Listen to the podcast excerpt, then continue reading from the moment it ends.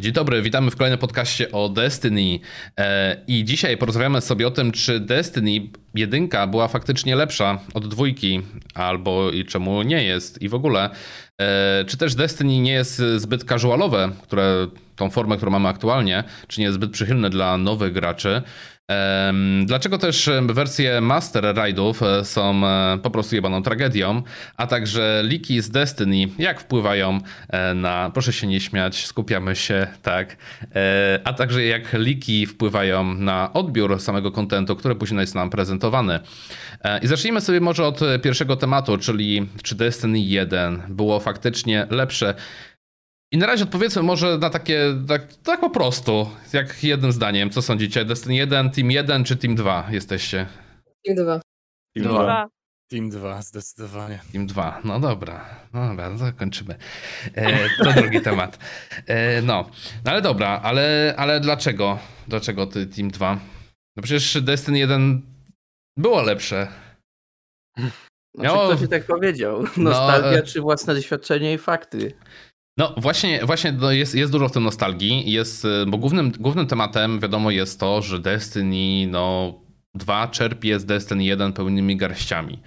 E, drugim, drugą rzeczą, tym argumentem, który ludzie przedstawiają, e, jest to, że Destiny no, 2 na starcie w ogóle nie miało kontentu i przez długi, długi czas było go mało. Nie? E, I pytanie, czy warto w ogóle wracać, że nie warto wracać, bo pewnie jest to samo chcą nas ogólnie oszukać. I czy się z tym zgadzacie, czy nie? No bo możemy tak porównać sobie po kolei może, e, tak step by, step by step, e, co mamy, e, co mamy tutaj przygotowane. Zacznijmy może od, od samej Destiny Vanilli, która jak wyszła, czy ona była cudowna? Nie wiem, kto tam z was grał, to będziecie sobie odpowiadać. E, moim zdaniem ona nie była zbyt e, super na samym starcie, ponieważ opiera się tylko i wyłącznie na mocnym, bardzo mocnym grindzie, który też odpychał wielu graczy. E, jeżeli nie miałeś jakiegoś teamu, żeby grindować, żeby gdzieś tam sobie robić to razem w teamie i dzielić się informacjami, no to mogłeś dosyć szybko się odbić. Zresztą też e, przy samej Vanilli dużo osób, które, bo zresztą sam light level to wtedy było tylko 30 światła, 30 e, mocy, 30 poziom e, i dużo osób utknęło na tym 29 levelu. Nie mogli już przejść dalej, bo musieli albo zagrać Iron Bannera, albo rajdy, które były naj, najbardziej, najbardziej tej oczywistą rzeczą do zdobycia światła. Jeżeli ci nie wypadła dana, dana część stroju, no to po prostu miałeś problem. I tak samo, jeżeli chodzi o egzotyki, które e, no, dropiły bardzo rzadko. E, I tu pojawiał się dosyć duży problem, bo ludzie odpadali e, i tak sobie już zostawali. Co warto też wspomnieć o samej Vanili, to to, że dostaliśmy, bo też będziemy mówić o takich statystykach, będę, statystykach będę starał się tutaj przywoływać z moich notatek. Vanilla dała nam jeden raid, 11 map PvP i 6 strajków. E, to są te trzy rzeczy. Później na końcu oczywiście to sumujemy i wam, e, i wam podsumujemy. E, I tutaj nie wiem, czy coś się coś doda do tej wanili? Chciałbym tylko zaznaczyć, że jako, że to była jedynka, czyli tak. początek czegoś nowego, to tam kontentu musiało być dużo, no bo inaczej by nie wystartowała ta seria kompletnie. Także to proszę też mieć na uwadze. Okay. Problem, z, problem z Vanillią był taki, że miałeś story, które no nie porywało. Nie oszukujmy się, Destiny 1, Vanilla, Story. No nie, to nie było to. I dopiero taki przełom większy, jeżeli chodzi o PV, był to chyba jak WoG wyszedł. Bo WoG nie był na premierę, wyszedł tam kilka tygodni po premierze. I, i wtedy rzeczywiście było lepiej. No tak z drugiej strony, no fa co fajnego było w Destiny na samym początku? Nowa gra, nowe coś, i mm, co mi się osobiście podobało, to chase'owanie egzotyków. Ja nie wiedziałem, jakie egzotyki są w tej grze, na przykład. Mhm. I wydropienie czegoś, czego nie wiem jak używać, coś nowego, wow. Nie mieliśmy listy, jakie są egzotyki, w ogóle, zero. Eee, I to było to fajne. Więc to, to z Vanilli chyba najlepiej zapamiętałem. Chase'owanie po prostu egzotyków.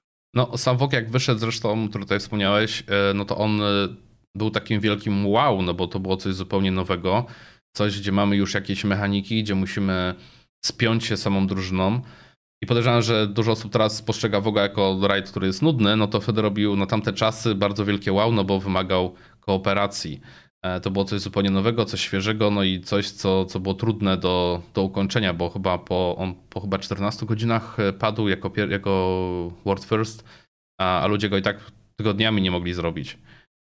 E, dobrze, to co? Przechodzimy sobie do e, pierwszego dodatku, e, czyli do Dark Below. I tu już mamy 32 światła, będę się troszkę czytał, wspierał z moich notatek 32 światła, czyli już rośniemy. Natomiast pojawił się pierwszy sunset, no bo tam było 30 światła, tutaj mamy 32 i tam tych rzeczy już nie możemy używać, no bo po prostu mamy niższe światło, to już nie opłaca, no bo będziemy mniej bili, będziemy więcej damage'a dostawać. No i ludziom to się nie spodobało bardzo mocno, ten sunset broni, no bo oni bardzo mocno grindowali, żeby mieć ten to maksymalne światło. Eee, I Bungie z czasem, można powiedzieć, to za chwilkę o tym też powiemy, poszło po rozum do głowy, no i wycofało się z tego sunsetu, dało możliwość przy kolejnych dodatkach e, przez Eteric Lighta e, infuzowania rzeczy, tak aby E, zwiększać sobie tą moc, którą, e, którą mamy na danym, na danym przedmiocie. E, dostaliśmy też z tym dodatkiem dwa strajki, jeden nowy raid i trzy mapy PvP, cztery bronie i dziewięć exo e, pancerzy. Czyli dosyć dużo kontentu. Oczywiście też poza questami, no bo to już nie będę oceniał samych questów, jak one były bardzo dobre. Dostaliśmy raid główny, który się nam kojarzy, to była Krota. Na starcie myślę, że trudny raid do zrobienia. E, później wyszły coraz to więcej i więcej gliczy e, i był, zaczął być już śmiesznie łatwy, tak można powiedzieć, nie? Nawet bardziej niż śmiesznie, bo pamiętamy odłącz internet, gotowe. Tak wyglądał raid. Raid, który przychodzi z solo, to nie jest raid, ale też przypominam, że Krota miał być częścią Kingsfalla. Kingsfall miał być dużym raidem. Zaczynało się od Kroty i przechodziło się do Oryxa. Tak to miało wyglądać pierwotnie, ale to ucięli powodu nie pamiętam lub go nie podali. Chyba ograniczenia konsolowe, coś w tym stylu. Z tego co pamiętam. Ale odnośnie właśnie rajdu. E, nie wiem jak wy, ale ja chyba do momentu Rise of Iron mostu nigdy nie zrobiłem tak, jak Bungie to założyło, żeby to zrobić. Czyli no zawsze, no zawsze to było przeskakiwanie przez most, zawsze to było wskoczenie na górę, o jeden się zrespi Warlock na Sunsinger, Boże, Sunsinger, tak? Dobrze pamiętam? Chyba tak, tak, tak. E, znaczy tak, to właśnie też o to chodziło, że po prostu sobie można, jak ktoś nie wie, można było wskoczyć na górę, moby się despawnowały i po prostu... No tak, tak. No. Eee, czy jeszcze coś do tego dodatku? Czy lecimy sobie dalej, tak żeby ludzie mieli też obraz? Eee... To co bardzo, sorry, mhm. to co bardzo denerwowało to chase'owanie Crux of Crota. Jeżeli nie wiecie, mieliśmy taką broń egzotyczną, jakby taki główny, nie wiem, rajdowy, rajdową broń, czy coś w tym stylu, którą zaczynaliśmy upgrade'ować od białego. Później po zabiciu iluś tam mobów robiła się fioletowa, czyli chyba Aidon Ali, czy coś tam, coś tam dalej było. I żeby zrobić nekrokazma, musieliśmy grać krotę. I z kroty chyba na hardzie to było? Mogę się teraz mylić. E, była szansa na wydropienie Kruxa, czyli z Kruxa robiliście później, upgrade'owaliście tamtą fioletową broń legendarną na egzotyka. I niestety niektórzy próbowali wydropić Kruxa grając trzy rajdy co tydzień e, na trzech różnych postaciach aż do Rise of Iron i to nikomu nie chciało wypaść, także to są złe wspomnienia. No, to jest, a ta broń była dosyć e, dobra wtedy, w sensie szczególnie chyba na PvP, jeżeli dobrze pamiętam, nie? Bo ona dosyć dobrze topiła. To coś tam było. E, Okej, okay, to lecimy na House of Wolves, e, gdzie oczywiście dostajemy podbicie tego światła, naszego tego, tego, tej mocy. E, nie dostajemy żadnego rajdu, co było dosyć dużym zawodem, bo wszyscy oczekiwali, że oczywiście dostaniemy kolejny rajd, e, no bo wszyscy się wkręcili w te rajdy, które były taką wizytówką Destiny. Dostaliśmy cztery mapy PvP i jeden strike, ale dostaliśmy też zamiast rajdu trzyosobową aktywność, czyli Prison of Elders który okazał się, wydaje mi się, że dosyć dużym sukcesem, no bo to było coś nowego, świeżego, coś kolejnego do grindowania. Dostaliśmy też 3 exo e, bronie i 9 e, pancerzy, także też kolejny, kolejna dostawa nowych rzeczy do, do grindu, do, do, do farmienia. E, I tutaj się pojawia ten Etheric Light, czyli wycofanie się z tego sunsetu, że możemy już z powrotem używać broni na przykład z Woga, które były lepsze niż po prostu na przykład te z Prison of Elders, no bo to już się bardziej opłacało. Nowy space, social space też wszedł, czyli Reef. Dostaliśmy nowe, nowe miejsce. I czy tutaj jakieś wspomnienia? Chcecie dodać coś pozytywnego, coś negatywnego, co się nie, co się nie podobało? Chase'owanie trzech egzotyków, które... o Jezus.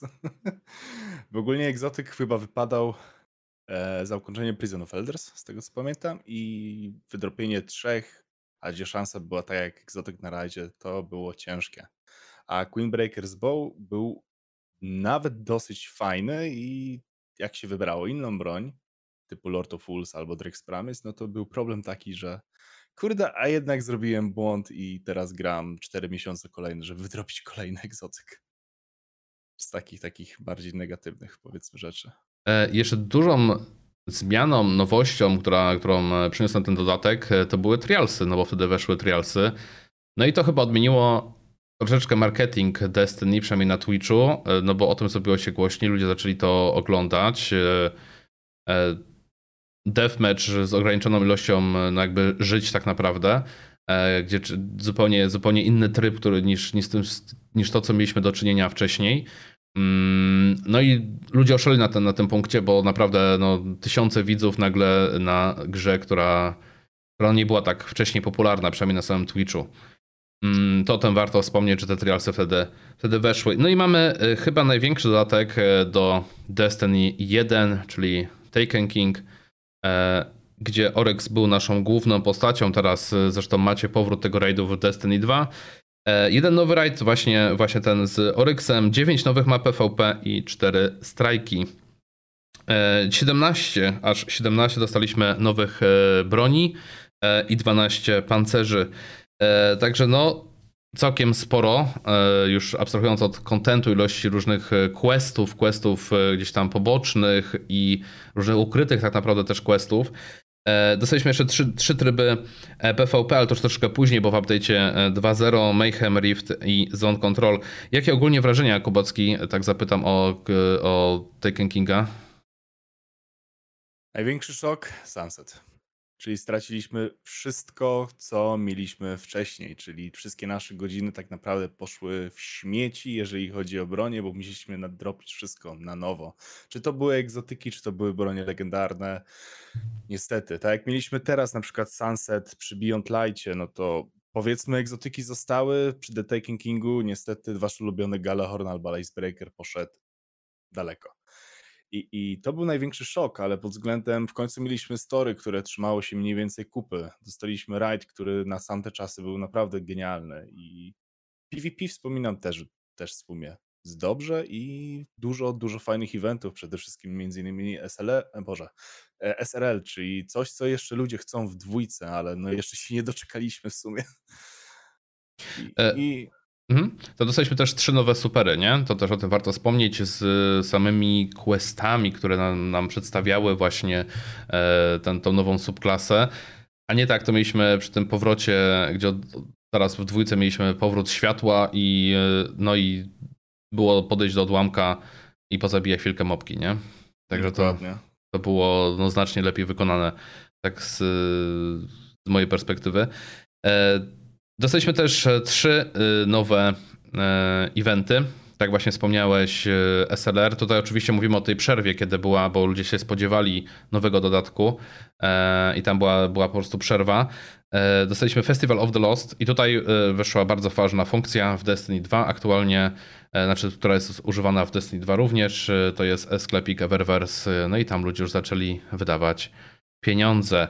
E, Bungie też ogłosiło, że będzie, już nie będzie robić takich e, olbrzymich, monolitycznych dodatków, ale będzie robić po prostu troszeczkę mniejsze e, i będzie stawiać bardziej na eventy. Czy myślicie, że mogło mieć związek to, że dużo rzeczy sprzedało się w Eververse podczas eventu darmowego? Chyba tak, nie? Y, na, nawet jeżeli, to pamiętam jak wspominali, że za same ornamenty do Whispera zafundowali Zero Hour misję. Także jeżeli pieniążki z tego sklepiku idą na takie rzeczy, to fajnie. Raczej bym też kupywał rzeczy, gdybym je chciał lub ładnie by wyglądały.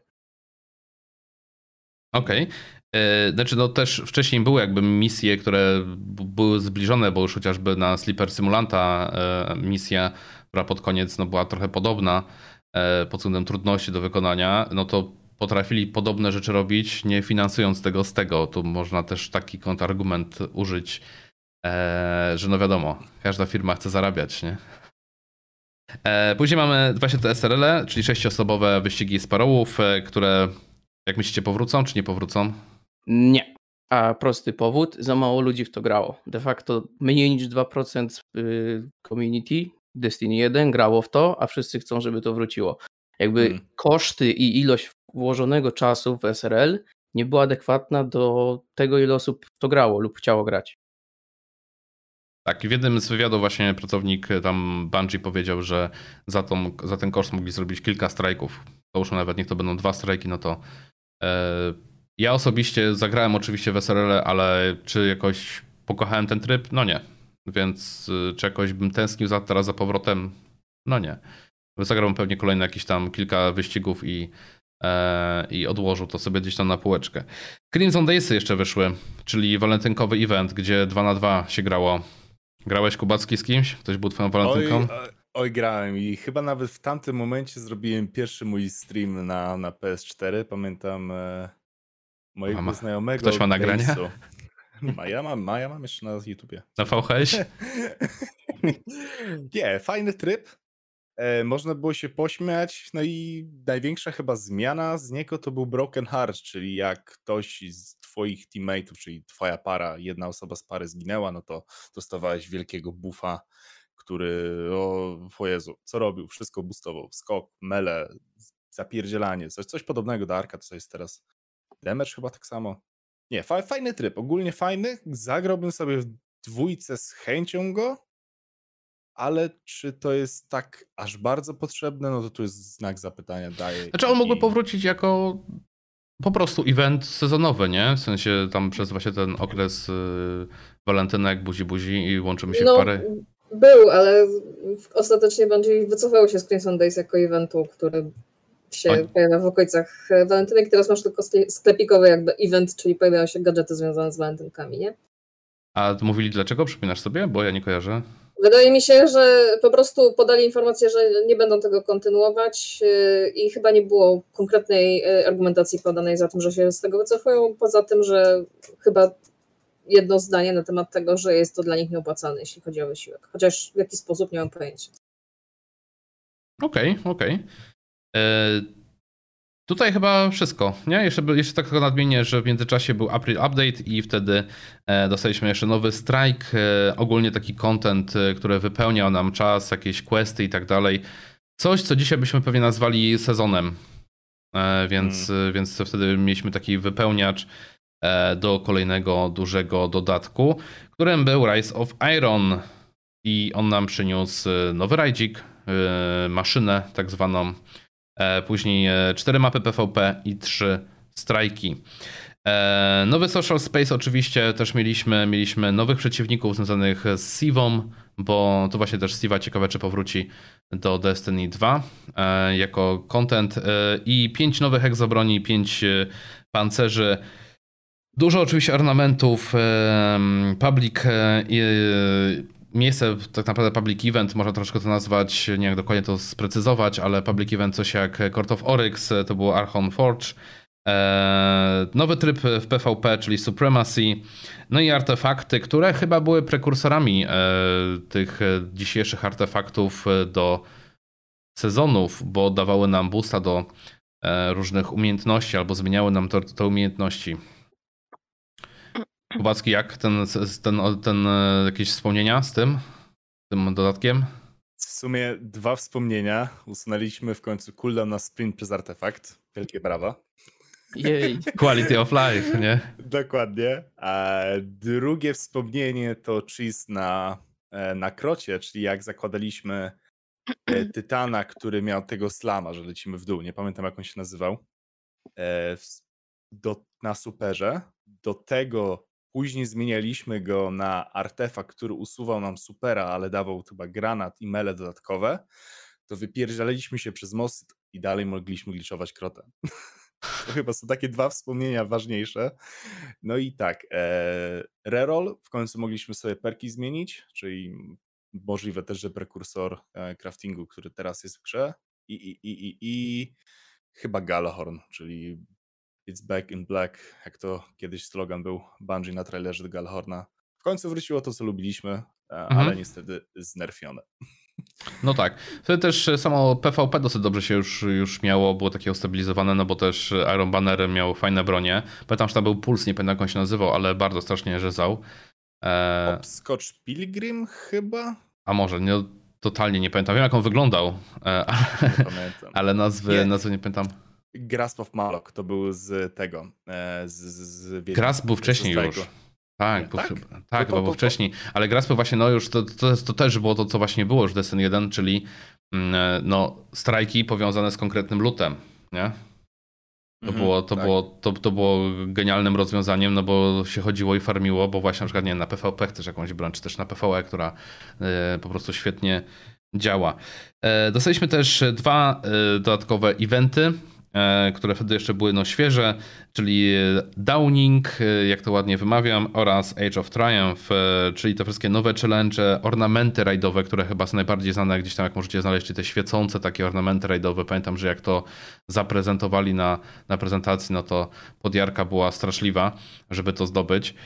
E, week- Weekly Feature Ride, czyli, czyli no, e, content, który był wcześniej, po prostu nadal wraca i, i warto go grać. Warto grać stare rajdy, tak aby dostawać e, nowe światło. No i, e, no i mamy to wszystko. Destiny już jest takie stabilne, ta jedynka, jest wszystko dobrze, no bo jest już, y, już wie, oni już wiedzą, czego, co ludzie chcą, czego nie chcą, jest co robić, y, jest jak mieszać tym contentem, na przykład przez te właśnie y, weekly featured ride, że stary content może powrócić, nadal warto go grać, bo dostajemy nowe światło. No i wychodzi Destiny 2 Vanilla. I nie ma nic. No Jest właśnie. tragedia. Content, gdzie jesteś? No, no i tak to trochę wyglądało, ponieważ y, nie mieliśmy tych random roli na, na broniach, tylko mieliśmy statyczne te perki. E, Nie wiem jak wy mieliście, bo wygraliście od, y, w, jedy, w sensie od premiery samej dwójki. Od Premiery bety. nie, ale Year One. Nie, ja ogólnie gram od, od przed, przed premierem jeszcze alfa chyba, czy beta była chyba dwójki. Jeżeli chodzi o dwójkę, to od pierwszego dnia, kiedy ona wyszła na światło dzienne. Mhm. Ja nie I- pamiętam, kiedy to dokładnie u mnie było, ale wtedy rozdawali za darmo podstawkę na tym kliencie. Na Blizzarda. Battle.necie i to jest dokładnie Właśnie. wtedy, kiedy ja też zacząłem grać, a mianowicie koło premiery Forsakena. O właśnie, dokładnie wtedy. O, okej. No, no w każdym razie to był dosyć, dla, to w sumie też jest dosyć dobry argument dla osób, które mówią, że Destiny 1 no, było lepsze, e, ponieważ jeżeli zderzyli się z czystą dwójką, no to mieli strasznie pustą grę. Mniej o wiele kontentu. E, Ja tylko właśnie a propos tego, co czytałem wcześniej, e, tych ilości rajdów i ilości strajków, które, które tam dawały nam kolejne dodatki, no to teraz zobaczcie, mamy po trzech latach Destiny 1, mamy 4 rajdy dostępne, 31 map i 17 strajków. I teraz wchodzimy w Destiny 2 i mamy jeden dostępny rajd, 12 map PvP i 6 strajków, czyli znacznie mniej tego kontentu. Nie ma też random roli, czyli też nie ma po co tego grindować. Na strajkach właśnie na przykład nie ma już tego, tego, tego tych broni przypisanych stricte. Jest tego wszystkiego znacznie, znacznie mniej, jest strasznie pusto. Chyba tak, no, chyba tak najlepiej, bo to określić dużo osób wtedy odchodzi po dwóch, trzech tygodniach, e, no i mówi do widzenia. No do tego jeszcze były straszne praktyki monetyzacyjne ze strony Bungie, bo pamiętajmy, że wtedy jeszcze była współpraca z Activision i było jakby, były te mechaniki, które powodowały, że wolniej się farmiło engramy z Everversu z upływem expa, nie? Czyli im dłużej się grindowało, Tak, Tak, było. ograniczenie Było. na, Było. na jakiś czas i najbardziej się opłacało nie grać przez kilka dni, jak nie cały reset. I na drugim resecie jesteś zalewany ilością dropu. Tak to wyglądało.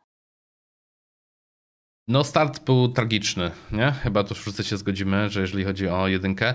Natomiast no Bungie powiedziało, ok, no zrobiliśmy źle, ale, ale spokojnie naprawimy to, wyjdzie nowy dodatek e, i będzie dobrze, zaufajcie nam. No i wychodzi klątwa Ozyrysa, tarau, i robił O wielkie Boże. wow. Przejdźmy dalej. Przejdźmy Kevin. dalej. Dokładnie. I teraz uwaga, yy, klątwa Ozyrysa daje nam e, zero nowych rajdów, bo daje nam raid layer, czyli tam ten mniejszy raid. Rozwinięcie tego lewiatana. Tak, rozwinięcie do Lewiatana. E, to też w sumie pytanie, czy to nie był, nie był właśnie coś ala właśnie jak Krota, bo tak mówiliśmy o tym Mega Raidzie, że e, Krota z e, Kingsfallem była połączona jako Mega Raid, czy na przykład Lewiatan nie był Mega Raidem ala i właśnie też nie został podzielony na mniejsze sekcje, nie? No chyba taka, też miał taka być. intencja miała być, nie? Tak, A- tak miało być, ale się nie wyrobili. I E, kolejność też pomylili, ale o tym w sumie zaraz. I tutaj przy klątwie Ozyrysa dostajemy nowe egzotyczne broń. Już teraz nie pamiętam, bo już przestałem to wszystko spisywać, ale połowę z tego dostaliśmy z Destiny 1, gdzie mówili nam, ej, dostaniecie dużo kontentu, teraz już będzie dobrze i nagle dostajemy kontent y, z Destiny 1. E, Dostaliśmy też jedną, e, znaczy dostaliśmy łącznie trzy mapy nowe do PvP i jedną e, z powracającą z Destiny 1, no i dwa strajki. No i nie było chyba takiej super doznania, nie? Pewnie, że nie, ale też w tym wszy- wszystkim, znaczy ja czuję, że tam Activision paluszki swoje maczało, bo wiadomo jak Activision, y, nowa część co roku, dwójka, trójka, czwórka, piątka, dawać content, sprzedaż, sprzedaż, go. I mi się wydaje, że to co miało być pierwotnie na start dwójki, wydali jako właśnie Ozyrys i Warmind. I to było takie, hmm, DLC na jedną planetę? Znaczy, mi się wydaje, że bo były liki e, z Destiny 1, że kolejny właśnie dodatek będzie związany z no powiedzmy Ozyrysem, w sensie mówimy tutaj o, że, że to będzie właśnie Ozyrys, że, że ten dodatek będzie przewidziany do Destiny 1, o. I oni, mam trochę wrażenie, że wzięli ten content z Destiny 1, przerobili go na Destiny 2 i hopsia wrzucamy. Zresztą przy w ogóle, nie wiem jak wy, się, jak wy postrzegaliście, czy tam Kubacki, jak ty grałeś w jedynkę, postrzegałeś e, e, samą, samą postać Ozyrysa, bo dla mnie on był taką tajemniczą postacią, takim w ogóle wow, nie? Po prostu czymś niesamowitym. I dostajemy ten dodatek upragniony, kurczę, będzie ten Ozyrys, będzie to wszystko, będzie ten, ten właśnie sam ten Brother Vance, który tam nam na, w jedynce e, na tym riffie nas, jak mówił w ogóle, to taki był bardzo, no nie wiem, prestiżowy, taki w ogóle wyniosły, majestatyczny. A tutaj jest jakimś psychofanem Ozyrysa i to ten czar cały pryska, nie? Po prostu jak, jak posłuchać tych, tego wszystkiego, to tak mówisz, ej, no chyba nie jest takie fajne. Nie wiem, czy tak też miałeś? taki, że w jedynce cały Ozyrys, cały ten Merkury był okupowany takim, taką tajemniczością, jak lecisz na Flawlessa. Mieliśmy ten Lighthouse, czyli wow, Mhm. no super. Fajna muzyczka ambientowa, do tego jakieś tam, wiesz, y, przejścia tajemne, jakieś tam pozostałości po Ozyrysie. No, masakra. Chciałem zawsze na Merkurym pobiegać, bo zawsze mi się to podobało. Wychodzi Ozyrys y, w dwójce i nagle tak. Wychodzi, Merkury- wychodzi Merkury. Merkury, pu- public event, spoko, cały dodatek. Później idę do Vansa i tak się zastanawiam, ty, on nie jest na jakimś, wiesz, a Ozyrys stary dziad. Takie, aha. Boomer typowy nam się No, by, no, no było, straszne rozczarowanie, przynajmniej w moim przypadku, nie? I No i był se, poszedł se i se wrócił za parę dodatków. Nie było to zbyt ciekawe, zwłaszcza, że pamiętam, że ja ciągiem przelatywałem wtedy y, te wszystkie dodatki, no to ja zacząłem chwilę po tym, jak Warmind wyszedł z miesiąc czy dwa i to było takie, hmm, zacznę sobie te DLC z Ozyrysem. Dwie godziny później, hmm, skończyłem to DLC. Właśnie miałam podobne odczucie. Gramy sobie y, w to, przechodzimy to, no i tak w pewnym momencie tak patrzę i to już? To, to, to, to już koniec tego DLC, a fabuła coś, gdzieś tu coś było i miałam tak, tak, takie uczucie bardzo dużej pustki, pustki po przejściu tego, tym bardziej, że akurat ja robiłam na odwrót od- i zaraz będziemy pewnie o tym wspominać, bo najpierw przy- y, zagrałam Forsaken, a potem y, robiłam właśnie klątwę Ozyrysa, więc miałam dość duże oczekiwania co do tego dodatku, a to było takie, hmm, coś tu mocno poszło nie tak. też mieliście coś takiego, że, ten, że tak wylądowaliście na tym Merkurem, tak zobaczyliście, że no okej, no jest ten kawałek Merkurego, no spoko, ale tam są takie wielkie wrota i pewnie jak się przejdzie przez te wrota, to tam będzie jakaś kolejna duża mapa. tak, no, no, no, Koniecznie. Tak, Jak dobrze kojarzę, to jeszcze, jak dobrze kojarzę, to jeszcze tam reklamowali ten cały, e, reklamowali ten cały Infinite Forest jako taki ogromny feature No, chyba i tak dalej. No, no, no. A potem się okazało, że- tak o sobie, po prostu trzeba A potem się okazało, że to było dosłownie tylko i wyłącznie w misjach fabularnych. I No. strajk. No, tylko i wyłącznie. Było to w misjach fabularnych i strajkach, gdzie no, dało się odczuć, że to raczej powinno być chyba taka właśnie e, jakaś strefa do roamowania czy coś takiego. To, to jak właśnie, właśnie Merkury, no nie? Ale później to wszystko zapoczątkowało, jak dobrze pamiętamy, super zajebisty event o nazwie Festival of the Lost, gdzie lataliśmy... To się zgadza. No to więc szczerze- punkt wyjścia. Znaczy jeszcze, jeszcze Tak. było Revelery bodajże i ogólnie ten, fest, ten Festival of the Lost, ten Infinite Forest to mam wrażenie jakby nikt go nie lubił, dlatego wszędzie go wstawiali, żeby ktoś w końcu go grał, no nie? Tak, Jakby- tak, jednak się podbijanie grywalności. Tak, jakby w dwóch albo w trzech chyba em, tych e, eventach to było. Że- mam wrażenie, że brakowało jakby kontentu, brakowało, no, y, zrobienie nowej mapy kosztuje dużo pieniędzy, pewnie kilkaset tysięcy dolarów, e, może nawet miliony, a tutaj mamy coś, co się tworzy samo, trochę jak w Diablo mapy, cyk, cyk, cyk, no to będzie to wypełniaczem, nie? No nie będą tak szybko się nudzić, na przykład strajkiem, który przebiegną trzy razy, już go tam, czy pięć razy już go znają, a tutaj i to chyba, to chyba o to im chodziło, a no nie wyszło tak fajnie, ale za to, co bardzo fajnie wyszło w Ozyrysie, to weapon crafting, bo tam przecież mieliśmy już e, na miastkę weapon craftingu, który był cudowny i wszyscy go bardzo dobrze wspominają, prawda? Mhm. Tak, bardzo fajne było wypełnianie tego. Nie chcę więcej. Tak. Dosłownie Super, ale jedyne, więcej nie róbcie. jedyne co z tego pamiętam to to, że był z tym grind, no nie? Jakby dosłownie tyle z tego bo, pamiętam. no tam, Mhm. tam było Bardzo strasznie dużo grindu i, i wszyscy myśleli, że to będzie, przynajmniej w tych zapowiedziach, że to będzie jakiś weapon crafting, że będziemy tam sobie e, no, mieli fajne te rolki w ogóle, a jednak no niestety nie było to aż takie, aż takie fajne. Czy coś tu jeszcze dodajemy, czy idziemy do Warminda? Idziemy do Warminda. Idziemy do Warminda. Zostawmy tego Ozyrysa, bo nie się Kolejny, kolejny duży dodatek, który też, znaczy kolejny duży, kolejny dodatek, który jest zapowiadany jako ten wstajemy z kolan. Takie miałem przynajmniej odczucie, nie wiem jak wy, w tych wszystkich zapowiedziach, że będzie dobrze, już, już teraz będzie lepiej. Teraz to już, teraz to już, to już to będzie to, Teraz będzie to to Destiny wyjdzie. takie z jedynki, które pamiętacie, nie? Że, że będzie dużo tego kontentu, będzie mięsiście, nie? No i co, jakie wrażenia macie po Ormandzie? O wiele Eee, lepszy.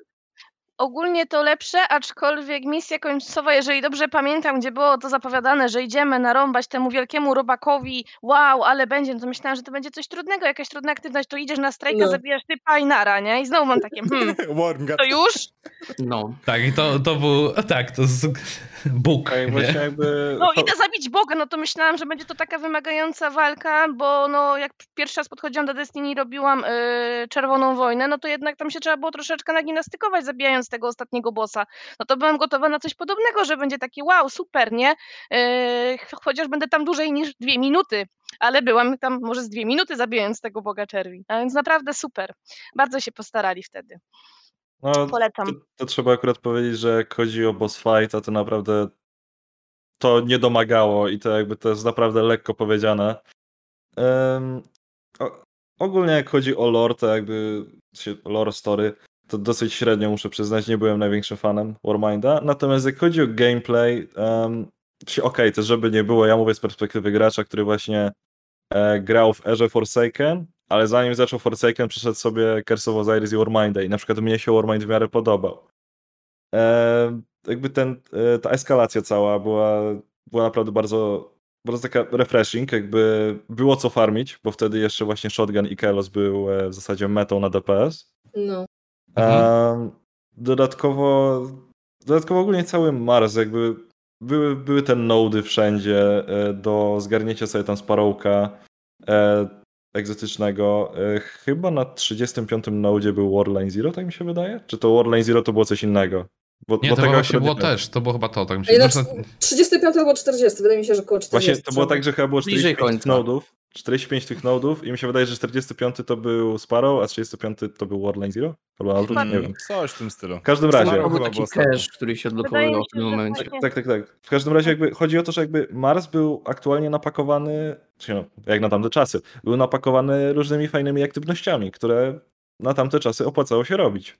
Mm. Em, Protokół przy okazji.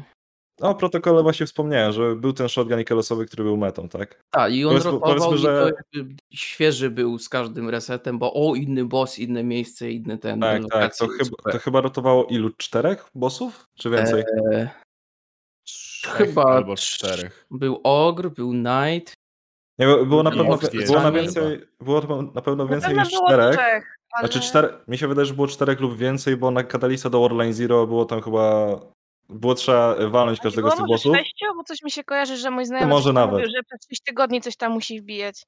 No to, Mm. no to może nawet. No i ogólnie to jakby z każdym tygodniem y, są- było fresh. Bo zgooglałam. Co nam powiedziałeś, Kasia? Raz? Że było pięciu bossów e, w Escalation Protocol. A, e, no, Okej. No to blisko krążyliśmy. No to dosłownie, nie dosłownie nikt nie zgadł. Nie dosłownie nikt nie Nie zgadł. To bardzo dobrze. A pięciu. No, No także prawie tyle, tyle, jak chodzi, tyle jak chodzi o Marsa. I jeszcze jedna rzecz, którą, która naprawdę mnie się bardzo spodobała i sądzę, że przez wielu jest naprawdę dobrze pamiętana, to oczywiście ta tajemnicza misja na Ajo. Mhm. To, to jakby można mówić, co się chce, ale jakby misja The Whisper to był, to był całkowity pinnacle tego, e, tego dodatku. Jakby r- r- raid mi się osobiście nie podobał, mógł się komuś podobać. I ktoś może powiedzieć, że to jest pinnacle. Natomiast Whisper jako właśnie tak ukryta misja, e, jak się potem okazało, e, ma w pewnym stopniu powiązania z Wogiem, w takim, takim sensie, że jakby jest tam portal, który, przez który widać Woga.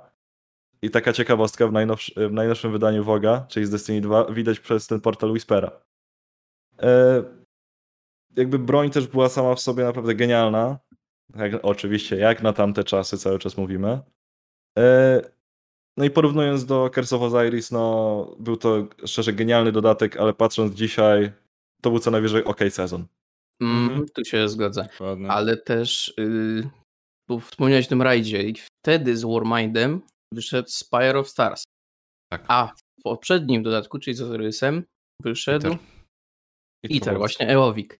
Mhm. I Bungie musiało dać wcześniej Eowa, bo jego mieli gotowego, a Spire nie był gotowy. Spire miał być drugi w kolejności, nie trzeci. I Eow miał być otwarciem. Eow miał być pierwszy. Bo tam Kalus sobie mówi, nie znam tego strażnika, we go wpuść, nie? A my jesteśmy już po w sumie tym pierwszym lewku. Mhm. I takie jak Kalus, mordo, pobiłem twojego klona na pierwszym, a ty mnie nie znasz? O co ci chodzi? Masz demencję? Pewnie, o nic, obraź się, idź do mamy. I mniej więcej tak to też y, odebrałem, jeżeli chodzi o kolejność tego, no ale trudno, no, musieli co poradzisz. E, wracając do tego Warminda, o wiele przyjemniej i częściej go grałem niż y, no, tego Ozyrysa, którego w sumie skończyłem w dwie godziny razem z tam tymi craftami, które odstawiłem sobie na x kiedyś później czasu. To kompletnie nie było potrzebne, nie było ciekawe. Ale no ten y, Warmind był długo, długo farmiony, miał dużą powtarzalność. Była to przyjemna powtarzalność tego kontentu, głównie przez ten protokół eskalacji czy farmienie tych nodów. Więc y, więcej czasu na nim spędziłem niż na takim Ozyrysie, który no, nie był kompletnie opłacalny, jeżeli za kwotę, jaką oni chcieli pierwszorzędnie zapłaciłeś, to jak dla mnie marnujesz pieniądze, bo nie spędzisz tyle godzin, żeby to się zwróciło. I to w sumie tyle takiego pseudo narzekania. Znaczy, ja może tylko nadmienię a propos samego Warminda. Warmind był takim troszkę światełkiem w tunelu dla mnie, jak zobaczyłem ten content, który dostaliśmy, zacząłem tam protokół eskalacji, który był wymagający, przynajmniej w tym pierwszym tygodniu, był mocno wymagający, bo nawet tam w 9 osób było go ciężko zrobić, trzeba było naprawdę mocno, bo wtedy trzeba było znaleźć się przede wszystkim, no i ogólnie w 9 osób sobie zagrać to, bo to był taki public event. A, tylko przerwę ci, pamiętamy wszyscy, jakim wielkim wysiłkiem było w tym momencie zgromadzić te dziewięć osób, jeśli na przykład e, chciało się w kilka Fairteamów to zrobić. Było kombinowanie, Tak. ładowanie się na tym Marsie, zwracanie, Było, było, było. ładowanie Tak. się na Marsa. To się nazywało skaczemy tutaj i się znajdujemy. Kto się znajdzie, czeka i robimy Tak, no. No i właśnie, i to dało takie światełko w tunelu. I właśnie to, o czym e, e, Warren wspomniał, Whisper. Whisper był takim właśnie, ej dobra, warto chyba zostać, bo to idzie w dobrym kierunku. Te zmiany w końcu gdzieś tam nadchodzą i to nam daje no taką nadzieję po prostu, nie? Że, że Destiny wraca do, do sił. E, chyba troszeczkę nas słuchają, no bo Whisper moim zdaniem był genialną misją. e, z fajną nagrodą, nagrodą, która, którą warto było robić, bo on wtedy na samym początku był dosyć trudny Tak. do zrobienia. E, I, i no, bo nagroda naprawdę była, była fajna, bo mi- miałem to wrażenie troszeczkę jak właśnie z jedynki, że jest duży wysiłek i, i jest fajna nagroda za to. No i przechodzimy w sumie dalej. Czy chcecie coś jeszcze dodać do Warminda? Też jeszcze Whisper Sleeper był metą. Tak, Whisper Whisperek był metą, tak, tak, tak, tak, tak, tak, absolutna. tak. No. Bardzo I długo długo. się go używało. Mhm. Pod każdym względem był przyjemny, nie? Dobry. Nawet, nawet jak go znerfili, to dalej był bardzo długo jeszcze vi- viable. Jako Tak, bardzo, bardzo prosty w użyciu. Nie tyle co optymalny, bo były lepsze rzeczy, ale też no, potrafił wybaczyć. Jak trafiasz te główki, no to on fajnie działał i może strzelać przez wieczność. Ale Hmm. też do, pracując w tej misji, do niej się wracało wielokrotnie, bo był jeszcze katalizm do zrobienia na tej samej misji. Tak. Był no. katalizm, był nawet jeszcze ten e, statek do Statek. zrobienia, który przez Mhm. wielu jest e, uważany, że jako najładniejszy do, dotychczas po prostu. Też się chętnie chodziło na tę misję, jak się brało kogoś świeżego, żeby się pośmiać jak skacze. Tak. I to było to, co tylko a propos No. tego statku, co mi się bardzo podobało, że dostajemy nowy content, ale z nawiązaniem na przykład do jedynki, ci nie tam weterani, Destiny 1, o mają tutaj fajny statek właśnie z jedynki. I to jest taki content, o którym wtedy jeszcze mówiłem, że który chciałbym, żeby powracał. Okej, on jest odświeżony, jest takim fajnym wspomnieniem, ale dostajemy go z dużą masą, czyli no stałą misją w tym momencie contentu e, nowego, świeżego. No chyba coś chciałeś powiedzieć. Ja Mhm. jeszcze dodam. E, no i powrót egzotyka, też taka ikona z Destiny Sleeper Simulant. Tak, no, sliperek. I, I to- i to też po takim- było. Tak, i to też po takim dosyć długim questie, jak dobrze kojarzę. Mhm. Tu Mhm. trzeba było coś tam zbierać. Pamiętam, że bardzo długo się siedziało na e, Los Sektorze, żeby wydropić coś tam, żeby go... Pamiętam też, że... A nie, dobra, to już było do Catalysta, do, do Sleepera, że wszystkimi Kelos brońmi trzeba było tam po kilka tysięcy kili zrobić. Chyba coś tam było. Nie wiem, ale wiem, że quest był długi, ale była satysfakcja, że później mogłeś mieć Sleepera, który no był fajny. Fajnie, fajnie dla, dla, na przykład dla mnie, dla osoby, która w jedynkę bardzo dużo grała. Fajnie mieć, było mieć po prostu Sleepera. Nie wiem. Tak, tak miałem po prostu u siebie. Ja mam trochę wrażenie, że te powroty broni z jedynki miały troszeczkę mniejszy wydźwięk przez to, że Destiny 2 na samym starcie było puste. I ludzie odbierali te powroty jako takie zapychacze. Nie? Że okej, to są jakieś powroty broni, do, tak tak dostaliśmy przy, przy Ozyrysie te pancerze, że dobra, to damy im na szybko, skopiujemy Ctrl-C, Ctrl-V, tutaj przykleimy i będzie jakiś to zapychacz. Na przykład y, tam, nie wiem, właśnie quest na e, czy to na, na, na właśnie Boże Sleep Simulanta mógł być tak odbierany, no jest kolejnym zapychaczem, nie? Przez część osób oczywiście. E, z nowych rzeczy mamy Forsakena, który daje nam nowy raid, cztery nowe mapy PvP i cztery nowe strajki, jak Forsakenik, moi drodzy. Najlepsza Te lokacje. Dobrze, wszyscy zaczęli mówić naraz. Tak. E, No. Czyli był dobry, chyba to no, wychodzi. no, no, Znaczy, szczerze, dodać, że dwie były lokacje, bo była Rafa, która powróciła i było Dreaming City jako kompletnie nowe. tak. Dla mnie, jako gracza PvP, najważniejsza zmiana to, był, to była zmiana systemu broni na ten, co był w jedynce. Czyli dostaliśmy shotguna z powrotem z heavy na specjalną, snajperkę na specjalną. Heavy to było heavy, czyli granatnik, e, powiedzmy e, Rakieta, rakieta, miecze. to wszystko. I, I to było w końcu to, co ja chciałem. Role w końcu można było farmić role, które nie były statyczne, czyli mieliśmy random. I, i, i coś, coś to powodowało, że w końcu te Destiny można grać i tu już dwójka zaczęła być ciut powoli lepsza niż jedynka dla mnie. Strike Specific miejscu. Loot. To też. I nowa rzecz o nazwie Dungeony. No, o, sądzę, że o Forsaken naprawdę można by się rozwodzić i to dosyć długo, dlaczego to Destiny, dlaczego to Destiny, dlaczego ten dodatek w zasadzie był takim e, turning pointem dla Destiny, dlaczego jakby ożywił tą całą grę. Ludzie właśnie mieli dobre, em, mieli dobrą opinię już mniej więcej o Warmindzie, już y, jakieś właśnie to światełko w tunelu się zaświeciło, no a potem wyszedł trailer Forsakena i wszyscy tylko takie, coś będzie. Coś No to, będzie. to, to, razem to jest... Mhm.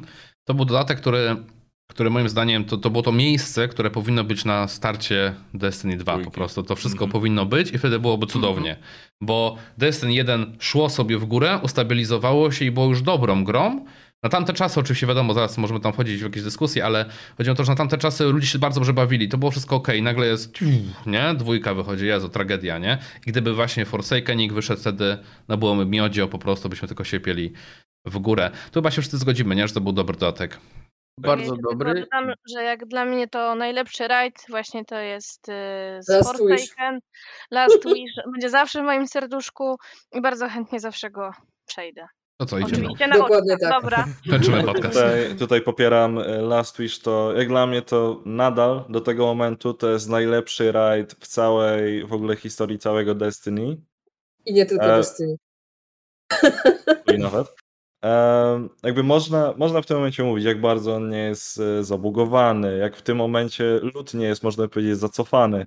E, ale naprawdę, jakby jak chodzi o mechaniki i jakby o całą otoczkę i tak dalej, no to mówię, jakby najlepszy raid w historii Destiny dla mnie. Ma przyjemność Hmm. z przechodzenia najlep- jego, nie? Tak, naj, najlepsze doświadczenie PvE, jakie miałem kiedykolwiek w jakiejkolwiek grze. Zgadzam to się, po- podpisuję się pod tym. Last Wish powinien być wprowadzeniem takim typowo do rajdu. Zawierał wszystko, co możesz spotkać w Destiny. Od części mechanicznych po takie czysto smaczki. Em, przepraszam, ale jeszcze chciałbym takie szybkie porównanie. Last Wish sam w sobie, Last Wish sam, posiada więcej kontentu niż ten pieprzony Ozyrys miał kiedykolwiek. No, no tak. E, Ale- Znaczy, e, ja tylko dokończę, że właśnie a propos porównania rajdów, to właśnie z Destiny 1 Kingsfall był takim właśnie też oczyszczającym rajdem, w sensie, że był taki katarzys, ja pierdolę, ale to zrobiłem w końcu, jest Mm. super. I on był super rajdem na tamte czasy oczywiście, jak się go zrobiło. I właśnie po Last Wishu coś takiego miałem, że wow, po prostu, ale tu jest kontentu, wszystkiego, jest po prostu, jest strasznie, strasznie tego wszystkiego dużo, aż po prostu nie spodziewałem się i jeszcze trochę za dużo dostałem aż. Potem się jeszcze okazuje, że jest ściana życzeń. Tak, no. No, A po rzeczy, znajdźki, Le, legendarny 15 Wish. No, i No. zaczynamy teraz po rajdzie czterotygodniowy, czy to był trzytygodniowy kurs? Trzytygodniowy. Tygodniowy, to prawda. czyli kolejne mystery. Co się dzieje, ty? Takeni władają nagle, las, Boże, Dreaming City, o Jezu, zmienia się wszystko. A potem ktoś coś odkrył? Ty, mamy nowy raid? Trzy osoby? Co się dzieje? I mamy dungeona. Czyli mikro raid, powiedzmy, na tamte czasy to był dla mnie mikro raid, czy mini raid na trzy osoby i się wyśmienicie bawiłem z dungeonem. Później dostajemy questa kolejnego na łuk, to, tamto. Po prostu esencja Destiny był, to był Forsaken. Tak, oprócz rajdu, czyli Last Wish i Shattered Throne, te rzeczy miały content w kontencie. Przychodziłeś na te rzeczy nie tylko, co, żeby zrobić ten rajd, ale coś jeszcze w trakcie tej aktywności zrobić. I to takiej. O wiele bardziej się chciało to grać, bo ojej, idę zrobić rajd dla zrobienia, dla dropu. Ale po drodze masz, y, bo mam y, kluczy z Wisha dodatkowy, bo mam te jajka do zbicia, gdzie potrzebny Mam był kości do zebrania. Shattered były kości do zebrania, by- był statek, no OneK to nam wiadomo jak to bywało, milion skrzynek w każdej, znaczy w jednej tam ukryty, kto trafił, ten trafił, kto ukradł, ten ukradł. Ale Forsaken wtedy najlepszy dodatek, jaki mógł wyjść i w sumie e, taki, który uratował dwójkę de facto, bo gdybyśmy mieli powiedzmy powtórkę z Warminda, to ja wątpię, żeby to dalej pociągnęło. Nie, No pewnie nie, bo nie. Raczej nie. No i zaczynamy później Season Pass, nie? Tak, właśnie chciałem powiedzieć o Season Passie. Em, Potem można by powiedzieć, sezony za czasów Activision, to według mnie można by je śmiało porównać kontentowo do właśnie do Warminda albo Curse of Osiris, jak mówimy o jakimś słabszym sezonie. tak, no. Bo jakby Kuźnia mnie się osobiście najbardziej, najbardziej chyba podobał e, też nie, jednak potem była menażeria, zapomniałem o niej. E, Kuźnia to był zdecydowanie dobre, dobra jakby kontynuacja tego, co już mieliśmy na Forsake, w Forsakenie, jeśli chodzi o content. Jakby mieliśmy, y, mieliśmy sposób farmienia broni, na tamten moment, szczerze powiedziawszy, najlepszych broni w grze, czyli mogliśmy robić te kuźnie. Dostaliśmy nowy raid od razu. Co prawda, jest, y, co prawda był to dosyć krótki raid, Scourge of the Past. Powiedzmy rozmiaru właśnie takiego Eowa z Curse of Osiris albo właśnie Spire of Stars. Natomiast różnica była taka, że ten raid był fun. Mhm. E, Szybki, przyjemny, zabawny, ciekawy Tak. w sumie.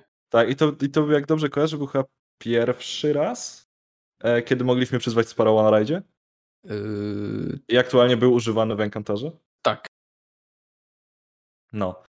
E, I propos właśnie Sparrowa, e, z tego rajdu dostaliśmy najszybszego do tej pory e, w grze Sparrowa. Nadal nie wiadomo, czy to jest błąd, czy to, zosta- czy to było tak zamierzone. Natomiast e, Sparrow właśnie z tamtego rajdu, który w tym momencie można sobie po prostu kupić, Always on Time, e, jest najszybszym Sparrowem w grze, pomimo faktu, że statystyki tego nie pokazują. E, I ogólnie Kuźnia, Kuźnia naprawdę wydaje mi się była świetnym follow-upem. Później przyszedł sezon Gambitu, to może Szczerze? pominijmy. Że, że ci Pomijmy, przerwę. no. No, Jeszcze, proszę, proszę. Przerwę. To, co mi się podobało w sezonie kuźni, to jest po prostu Niobe Labs i cała otoczka całego jest- community. Jak to wszyscy zostali zaangażowani. Tego, No. Tak, jak ja no mogę... po prostu to Ojeju. było genialne. genialne Zaszlachtujcie mnie, jak ja mogę i- zapomnieć o Niobe Labs.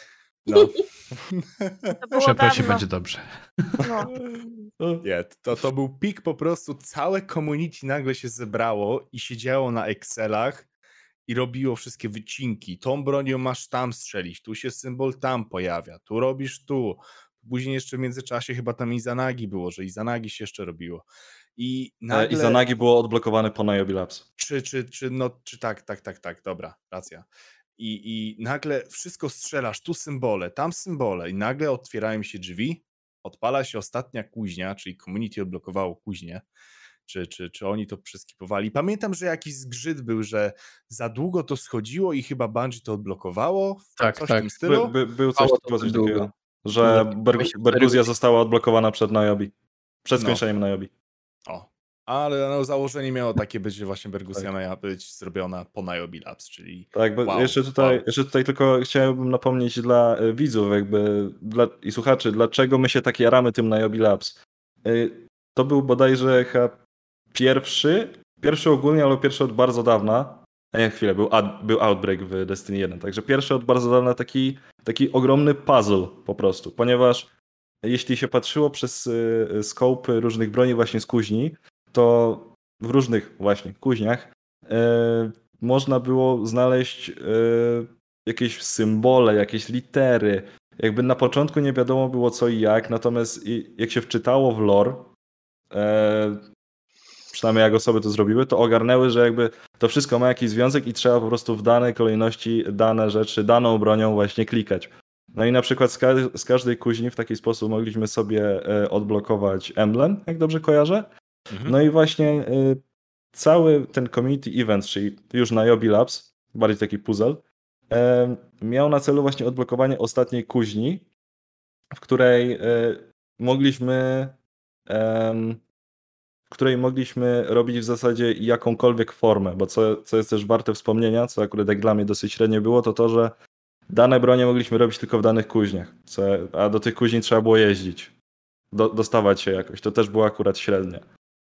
Natomiast jakby y, ten cały wysiłek community miał odblokować y, Berguzję, która ostatecznie była taką kuźnią, gdzie wszystko można było zrobić. Plus, jak dobrze kojarzę, tylko i wyłącznie chyba na Berguzji można było dropić egzotyki. E, właśnie e, tylko i wyłącznie z, z tego sezonu. E, a był to Jotun i Lemonark, które w tym momencie są mniej lub bardziej popularne. I pierwsza taka AFK farma Mniej lub słynna. bardziej lubiane. Tak. Tak, była wtedy pierwsza AFK Farma, która może, może dużo osób wie, może nie, ale na przykład jaki, jeśli, kiedy był e, pik tej farmy, to był bodajże ostatni sezon Shadowkeepa, czyli kolejnego dodatku, to jeden z najpopularniejszych streamerów na Twitchu Glad po prostu streamował jak spał, a w tle awkował później i miał przy, przy okazji tam e, ponad 10 tysięcy osób, które to oglądały jego zmagania z kuźnią. I wtedy nagle Bungie stwierdziło, ej, chyba nie wolno tak robić. No, Ej, chyba coś jest nie tak. I dwa dni później została włączona farma AFK kuźni. Tak. Tak. E, No i później jeszcze po tym na Yobi Labs wyszła Izanagi, która jakby dotychczas jest metą. Też ten e, cały e, quest był, był dosyć długi, był ciekawy. Był też RNG heavy, ponieważ trzeba było zrobić to rare zlecenie, które dropiło randomowo z, z ukończenia A tak, normalnych no, zleceń. no, no. To też był taki grind. Natomiast ostatecznie jakby dostaliśmy broń, która naprawdę no, do tej pory w zasadzie trzyma się w mecie, tak? Na początku była taka troszeczkę niszowa, dopiero jak dostała Katali w późniejszych sezonach i po wszystkich nerfach innych rzeczy, nagle znalazła swoje miejsce w mecie i jakby będzie jeszcze w mecie przez dosyć długi czas. Jeden z najlepszych egzotyków, śmiało można powiedzieć. E, no, ale już żeby o tej kuźni e, więcej nie mówić, no to przyszedł sezon Gambitu. Jakby jedyna, jedyna pozytywna rzecz, jaką kojarzę z sezonu Gambitu, to jest misja na Outbreaka. Czyli I znowu... to, że się skończył ten sezon. Tak, tak, to też było całkiem fajne. Nie no, jeszcze jedna rzecz była dobra, czyli Sperations. A, a dobra, to jak farmiłeś to Sperations, no powiedz. O, fajna No. misja, na której spędziłem tyle dobrego czasu, że no tak, aż mi łezka leci. No, misja Reconing. była Reconing. Tak, Reconing. E, Szkoda tak, gadać, ale, ale no. Tak, szkoda gadać. Jakby no, sezon, sezon skupiony na zasadzie wokół trybu gry, który chyba tylko i wyłącznie na początku Forsaken cieszył się dosyć dużym zainteresowaniem. No w tym momencie to naprawdę mało osób znam, które nieironicznie lubią gra- grać Gambit. Mm. No, Najgorsze, tak co, najgorsze Nie, no, co było. Z... Czekaj. Najgorsze, co było z tym Gambitem, to wprowadzenie armorów. Czyli jeżeli grałeś Gambit, No, ktoś grał, to miałeś tak nie po prostu wielką przewagę nad ludźmi, którzy sobie o wbili, wbiję, zagram, tam wyjdę, nie? 20 motów mogłeś wrzucić, czyli robiłeś tego jebitnego, powiedzmy tam, blokera, do tego miałeś set Reapera, gdzie no, no, robił rozpierdziel, jak inwajdowałeś innych. Trochę tego pograłem, no ale po tym sezonie mój, moja, powiedzmy, ścieżka gambitowa się zakończyła. No, A mi się tam było- podobało. Co było z tymi e, armorami, mi się wydaje nie tak, to w sensie, to nie był sam fakt, że one istniały, bo to jakby był sam w sobie dobry koncept. Mm? Bo też działały tylko i wyłącznie w Gambicie Prime, czyli właśnie nowym trybie Gambitu dodanym w tym sezonie i dostępnym tylko i wyłącznie dla Season Pass y, ownerów. Natomiast ym, koncept był dobry, ale wykonanie średnie, bo te sety właśnie były zbyt OP, w sensie te perki i tak dalej. I to doprowadzało do tego, że jak się tym nie grało, to lepiej było w ogóle nie grać. Dokładnie. No dobrze, i to, chyba tyle na, na to lecimy na dalej do no- Shadowkeepa. Znaczy, no, można jeszcze wspomnieć o tym, że właśnie po, powrócił e, Outbreak Perfected z też Właśnie, całkiem, tak. całkiem A. fajną misją, e, która, w której w ogóle powróciliśmy do starego, e, starej wieży. Em, no i cóż, no og- ogólnie jakby ja bardzo dobrze wspominam tą misję. Wystąpił tam Trevor, wszystkim dobrze znany. Obracanie zegarków. Mm. Znaczy, O, na tak. tym, Kata, Kataliż już pominijmy. to chyba się wszyscy y, zgodzimy, że więcej takich misji, nie? Takich jak właśnie Whisper, czy jak. Tak, jak że najbardziej. chcemy Tylko- tego, nie? Chciałbym te misje, żeby one nie były podane na tacy, typu macie, macie misję ukrytą, grajcie se, tam jest egzotyk, tylko jednak, żeby to była misja, o której nikt nie wie i ktoś przypadkiem to znajdzie i trzeba znowu jakiegoś commu- co- community puzzle'a zrobić, żeby ją w ogóle odblokować. Coś No to by, to by było fajne, nie? No tylko pytanie, jak Właśnie- to się spina marketingowo, nie? daw, dawno nie, nie było żadnych takich eventów, które faktycznie angażowały całe community, bo ostatnie takie, które było, to było z tym, jak się odblokowywało Bastion, prawda? Mhm. Takich, żeby faktycznie Mhm. poruszyć całe, całe, ale to tak naprawdę całe community, że wszyscy po prostu są zaangażowani i zsyłają dane od siebie, które tam zbiorą z gry. No tak, bo os- ostatnio no to mieliśmy chyba community takie pseudo-eventy, to jak z kolekcjonerki wychodziły te ARG całe. No ale to Czyli- jakby skala jest tego jest no- nieporównywalna, nie? Więc... Tak, bo to Tak, jakby to no, też no. tylko i wyłącznie dla osób, które kupiły kolekcjonerkę i ją dostały, no nie? Mm? To nie miało wpływu na grę taką codzienną, więc Tak. No nie, nie. małe A, znaczenie. a tak to mi się wydaje, że szczerze ostatni chyba community event to był Fellwinter. Winter. Mm, No bo wtedy- no był wtedy- Nocris, znaczy farmienie tych strajków, bo był tam sobie pseudoevencik. Później było A właśnie dobra, rzeczywiście to było na koniec chyba Później było- nieszczęsne farmienie tej aktywności tych towerów. No to to e, już, to już jest właśnie na Fellwintera. tego, to już jest właśnie na Fellwinter, no. No i misję na Filmtera pomijamy, że tam się Tak, tak, popsuło. była zbagowana. Mhm. No, mhm. pamiętam to. Ale nie, chyba taka jedna z lepszych, większych, to rzeczywiście tak jak Kasia mówiła, że Tak, to był na Bastion. Bastiona, czyli Corridors of Time. Szkoda tylko, że jakby outcome tego się do końca nie podało community. No, jednak. Wzięło się to jakby, ale... To Ale jakby- to może o tym powiemy później też, bo też Żebyśmy powód zachowali jaką, jakąś jasny. chronologię. Tak. E, cóż, to potem w sezonie Driftera, po tym sezonie Gambitu, który wspominaliśmy, no to przyszedł, przyszła menażeria, która według mnie do tej pory jest najlepszym se- sezonem w historii Destiny. Co o tym sądzicie? Grałem, jak najbardziej było dobra. Ja dziwo mi się dobrze, no, było, było, było takim fajnym yy, odmianą po sezonie Gambitu, który był mało grany. Daję okejkę. No i mi się wydaje, że duży, duży plus dla tego sezonu wpłynął przez to, że przeszliśmy z sezonu, który był ech, czyli czytaj Gambit, do czegoś, co rzeczywiście można grać. To mi się wydaje, że to bardzo dużo wpłynęło na ten sezon. E, No co, mieliśmy menażerię, fajna aktywność dla sześciu osób, pobiegać, tu porobić, tu się zmienia, tam się zmienia. Przyjemny rajd, kto wie, ten wie, no, mi się go przyjemnie grało, ale różne są opinie. Mnie się przyjemnie ten raid grało, oprócz pierwszego Encountera. Mm. Niestety Tak. pierwszy encounter był czymś, czego...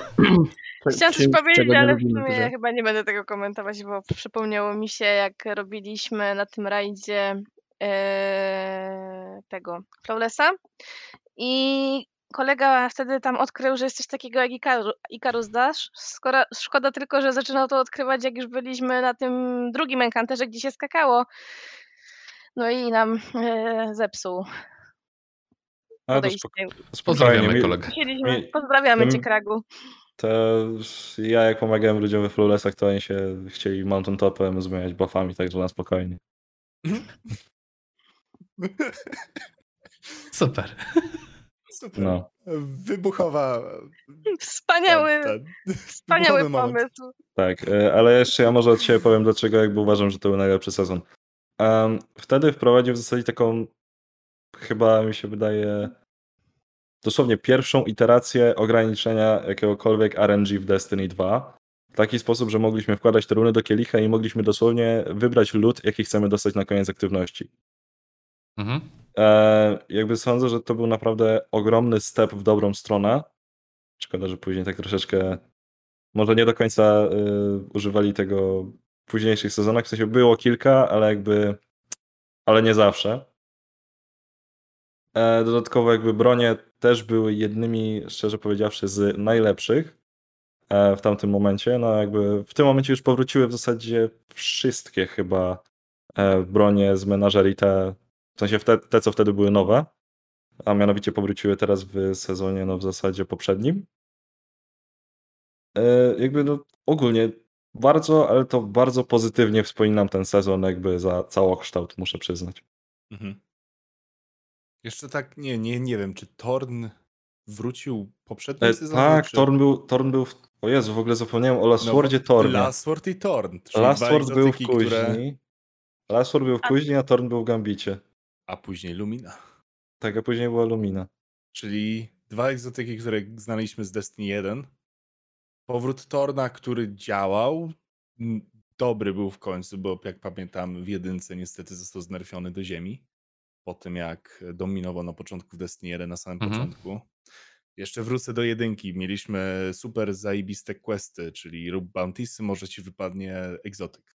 I to nie egzotyk, ale quest na egzotyka. Czyli coś, co dużo osób bardzo denerwowało, bo nigdy nie mogli po prostu tego dostać, a przez to, że nie miałeś Torna, byłeś gorszy niż inni. I, i to, to duży, duży problem powodowało kiedyś. No i e, zmienili e, to teraz w Destiny 2, już tego nie ma. E, zresztą tak samo takie traktowanie było podobne przy tym, jak szło się na raid i czy masz Galahorna, nie? To tak Było. troszeczkę wyglądało Czy teraz. masz, czy, czy masz Black Spindla, czy masz No. to, czy, czy jak nie masz Galahorna, to nie idziesz. Czy jak Prison of Elders na początku wystartowało musieliśmy zabić Skolasa, to On miał e, strasznie dużo każde- życia, nie? Z tego co pamiętam. On miał bardzo dużo życia i, życia i przez to na każdym LFG, jeżeli nie miałeś Galahorna, to nie miałeś wstępu na to. Galahorn był wymagają, wymagający i tylko go się robiło praktycznie na e, Solar Burnie, bo wtedy było go łatwo ubić. Ale dalej, bez Galahorna brak wstępu. Warren to opowiada o tych sezonach, bo ładnie ci szło. Bardzo ładnie mi szło. E, No to jak chodzi o interesujące sezony, to tyle. Potem szedł Shadowkeep. To możemy przeskipować. Shadowkeep był. fa- fajna otoczka była piramida. Jakie, jakiego rajda dostaliśmy przy Shadowkeepie, pamiętacie? E, Garden of. Salvation. A Gardening właśnie. E, co właśnie wtedy też wyszło e, jako rajdowy egzotyk, jako quest w zasadzie na tego egzotyka e, wyszło Divinity, które było bohaterem jednego z poprzednich podcastów. Dokładnie. Mhm. Gdzie sam E- quest w sumie był ciekawym urozmaiceniem, bo wymagało dodatkowych y, aktywności, które musiałeś wykonać z całym teamem, bo inaczej tego nie ukończysz. Tak. I moim zdaniem takie questy powinny być w każdym rajdzie, a nie RNG. Bo broń e, rajdowa akurat uważam, że powinna być właśnie w ten sposób, że cały team się stara i współpracujecie przez cały rajd, załóżmy tak tam to było. To było moim zdaniem genialnie zrobione. Mm. A nie Znaczy, masz ma- ma, mamy też ukończeń egzotyk ci nie wyleci i może za 70 razem Tak, ci no. się uda. A ktoś inny dostanie za pierwszym albo za drugim yellow, nie? Dokładnie. E? Albo cztery razy. No Co na mnie pijesz? Co tam Kasi?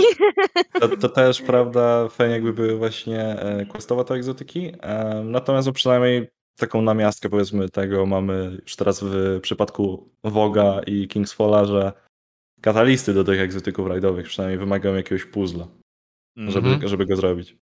Natomiast, to, co- natomiast to prawda, jakby cały czas mnie denerwuje, że y, Wexa dostałem po 68 ranie Woga, a y, w tym momencie mam 50 ranów Wow of the Disciple i nadal nie mam egzotyka. Łączmy się w bólu też nie mam, niestety. Ale to, co mi się na przykład w Shadowkeepie podobało, to jak jesteście fanem Destiny 1, zawsze była ta otoczka Darknessu. I w Shadowkeepie dostajemy na dzień dobry Piramidą na twarz. piramida. I takie o dokończcie. I to był dla mnie taki punkt Shadowkeepa, w którym oho, zaczyna się. Jak czytaliście lore i tak dalej, to, to, to wiecie, że no, piramidy nie wróżą dobrze. Tak, były już teasowane w zasadzie na, na końcu, chciałem powiedzieć na początku, na końcu e, podstawki Destiny 1, e, Destiny 2, broń Boże.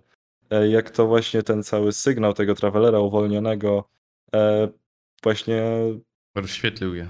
tak, no, Mm. rozświetlił piramidy, jakby piramidy się nami zainteresowały i zaczęły e, podążać w naszym kierunku.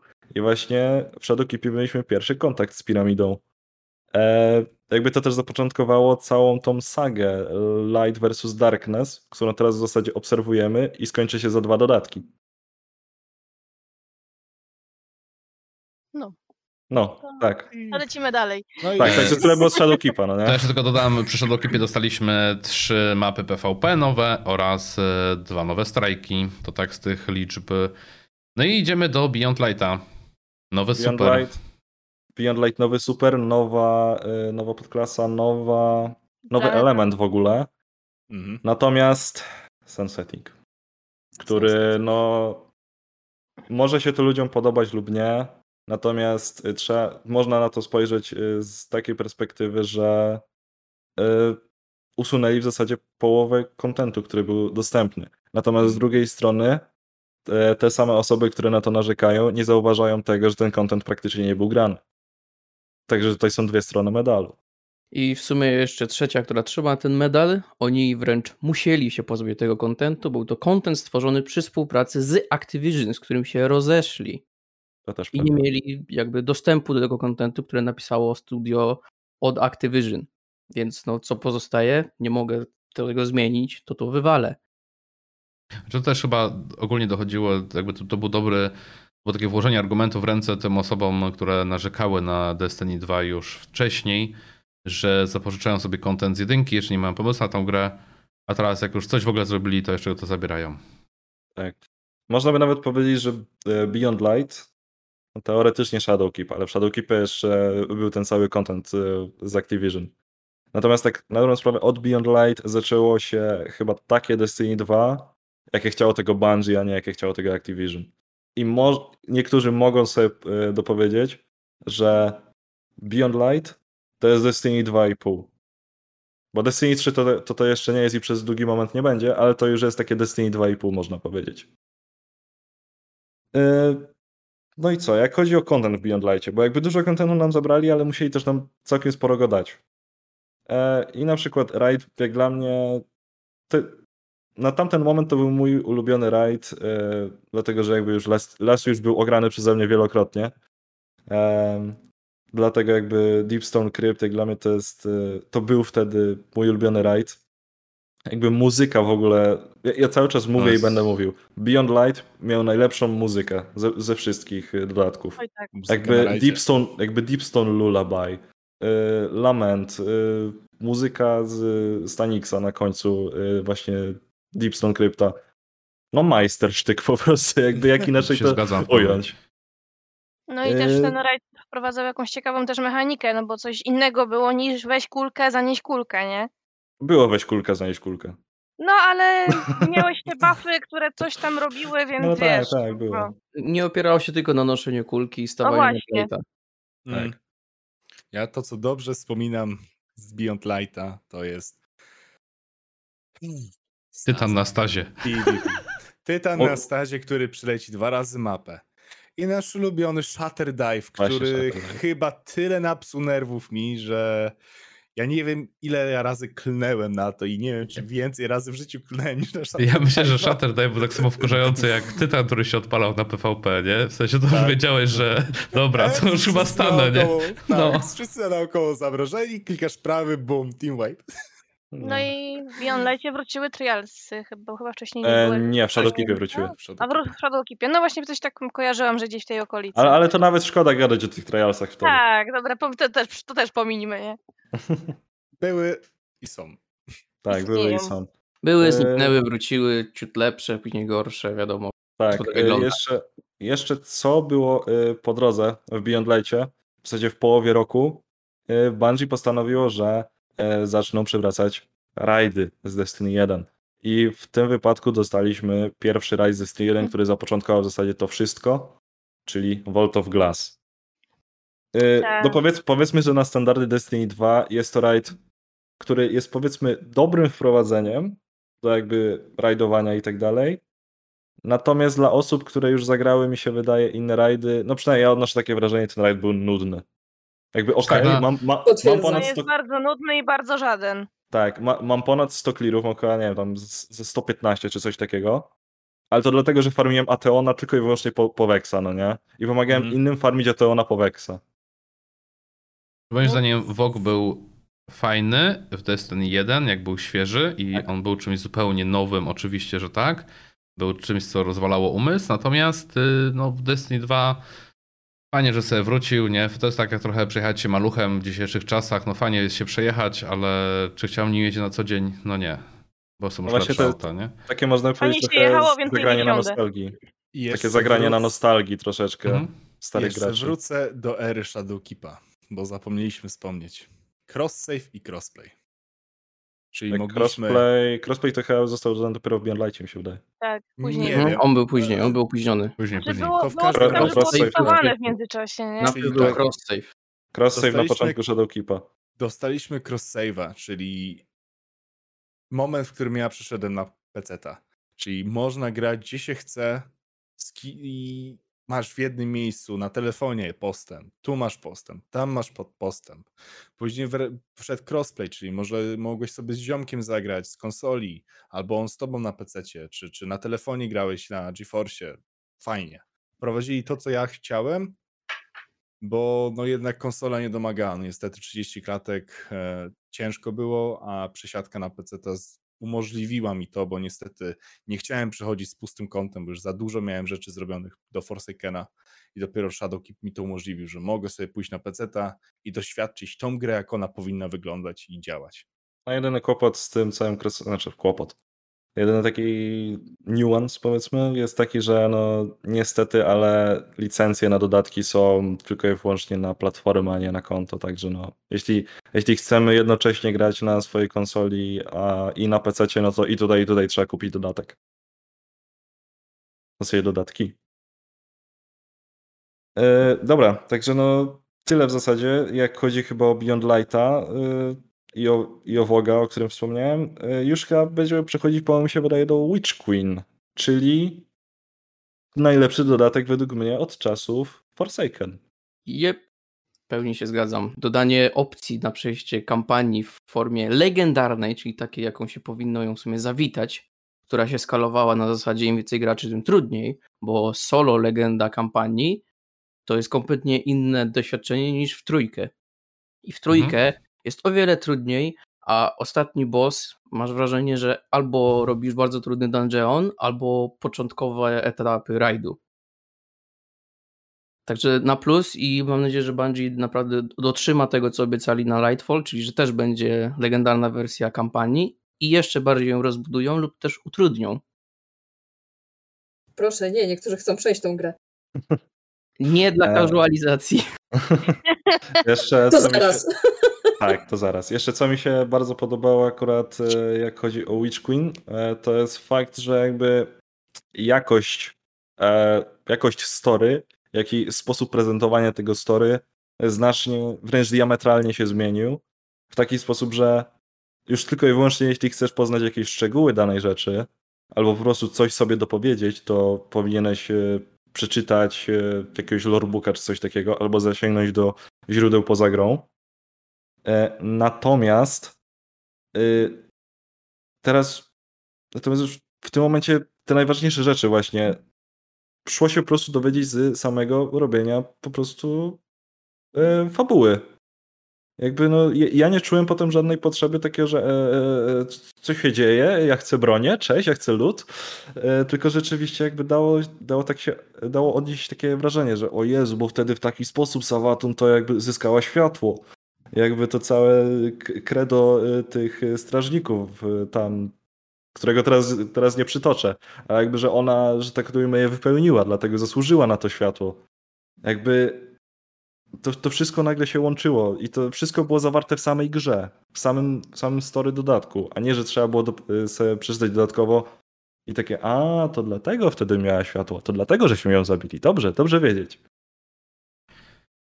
Także a to mi się jak, jak Rajdzik? Jak wam się podobał? z Witch Queena? E, troszeczkę muszę przyznać, że e, mechaniki z symbolami i tak dalej mi się wydaje, że troszeczkę się przestarzały. Raid był fun, ale powiedzmy, że ta główna mechanika, czyli symbole, no to jakby one już były dla Switcha w zasadzie. I jakby, w sensie jakby ten sam pomysł na mechanikę. I jakby no to tro, troszeczkę mi się wydaje, można by było inaczej to wszystko zrobić, natomiast jakby pozostałe mechaniki jak najbardziej na plus mi się, mi się podobał ten raid, plus jakby setting tego raidu wewnątrz piramidy.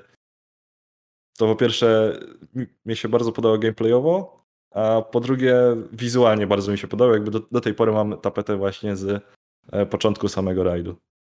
A mnie otoczka, najważniejsza otoczka. Piramidy, Darkness i ja kupuję dodatek. O.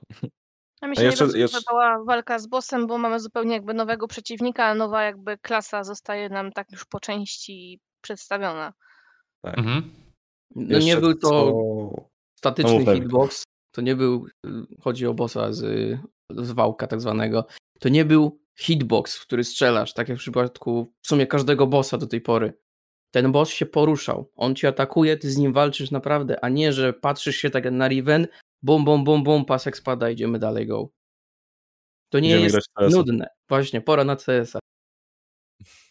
Dlatego to nie było nużące i nudne. Wiadomo, podczas day one wałka były problemy, mianowicie serwery, ale to już mniejsza o to. To też miało duży wpływ na naszą jakby ocenę, bo te doświadczenie trochę um, i ta chęć robienia tego rajdu zwiędła, nie chciało się, bo po dwóch, trzech godzinach, prawie czterech dla niektórych, yy, wywalania się na orbitę przez kod błędu, no to nie bardzo się chce kontynuować. Tak, i jakby już kończąc, w zasadzie mi się wydaje ten, e, ten podpunkt z rajdem. E, jeszcze, je, jeszcze było dużo jakby quality of life rzeczy wprowadzonych w Witch Queenie. Między innymi to, co, to, co już wcześniej mówiliśmy w przypadku Curse of Osiris, czyli już pełnoprawny tym razem weapon crafting. Na początku, jak zresztą już e, tradycja nakazuje, jak wszystko coś nowe musi wyjść w Destiny, to musi wyjść half-baked. E, tak samo było z, z weapon craftingiem. Natomiast jakby powiedzmy na papierze to no, mimo wszystko dobrze wyglądało. Tak, jakby no, można, można sobie już wybrać dosłownie e, te perki, jakie się chce na broni. Można dostosować statystyki e, do siebie, w sensie no, wiadomo w jakichś tam zakresach, ale mimo wszystko można po prostu dostosować broń pod siebie. I to już jakby aktualnie działało, że to rzeczywiście, jak chciałeś dostosować broń, to sobie dostosujesz w taki sposób, w jaki chcesz. Chcesz takiego perka? Proszę cię bardzo, możesz. To nie jest tak, że musisz teraz grindować 8 godzin, zanim ci dropnie ten perk. Mhm. Teraz musisz grindować tylko i wyłącznie 5 godzin, żeby broń wylewelować i będziesz miał ten perk. A No. jeszcze frame'y dropnij. Właśnie. A to też swoją No. drogą. Moim zdaniem właśnie ten problem z tymi frame'ami i dropieniem frame'ów jest, jest jeszcze do dopracowania. To ciasto nie jest do końca upieczone i uważam, że to powinno być troszkę zmienione, ale no to może e, to tylko moje zdanie, że właśnie powinno być tak, że nie dropią te frame'y, po prostu wrobić raz broń i możesz już ją sobie craftować, nawet i powinno być, nie wiem, ten sam crafting powinien trwać dłużej, czy też levelowanie.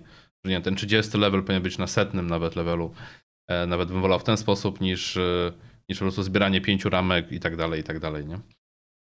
Dobrze, moi drodzy, czy coś jeszcze chcecie tutaj dodać do tego dodatku? No jeszcze można tylko dodać, że właśnie przed sekundą w zasadzie wyszedł e, Kingsfall. No, to, No, to powrót y, króla. tak. Y, moi drodzy, i tak jak już mamy troszeczkę tą historię ułożoną, to teraz odpowiedzmy sobie i przypomnieliśmy sobie o tej jedynce i tak dalej. To odpowiedzmy może każdy z nas y, po kolei. Kasiu, jedynka czy dwójka? Dwójka. Czemu? Y, Przede wszystkim dlatego, że nie grałam w jedynkę, więc nie mam żadnego porównania. Okej. Nie, no ale też trzeba mieć jakby na względzie to, jak, że ta, ta gra się, ona, ta gra nie zalicza tak naprawdę regresów, ona się cały czas rozwija, oni próbują różnych, różnych podejść i nie zawsze są te podejścia trafione, tak jak tam napomnieliśmy przy tym community evencie z Bastionem, gdzie troszeczkę był niewypełniony, ale sam jakby event był w porządku, po prostu oni pewnych rzeczy nie, nie, nie, nie oszacowali tak, jak powinni. No i jakby ta, ta historia się rozwija, no nie, nie stójmy w miejscu. Tak samo łatwiej było zrobić jedynkę niż rozwijać dwójkę, bo technologia postępuje i żeby zachować jakoby tą jakość, którą wszyscy, która tam ujęła tyle osób, to wymaga to coraz większych jednak nakładów pracy, także to są rzeczy, których się po prostu jakby technicznie nie, nie, nie przeskoczy, a sentyment jest zawsze bardzo silnym, że tak powiem, czynnikiem, ale nie wolno polegać tylko i wyłącznie na sentymencie. Mhm. Kual?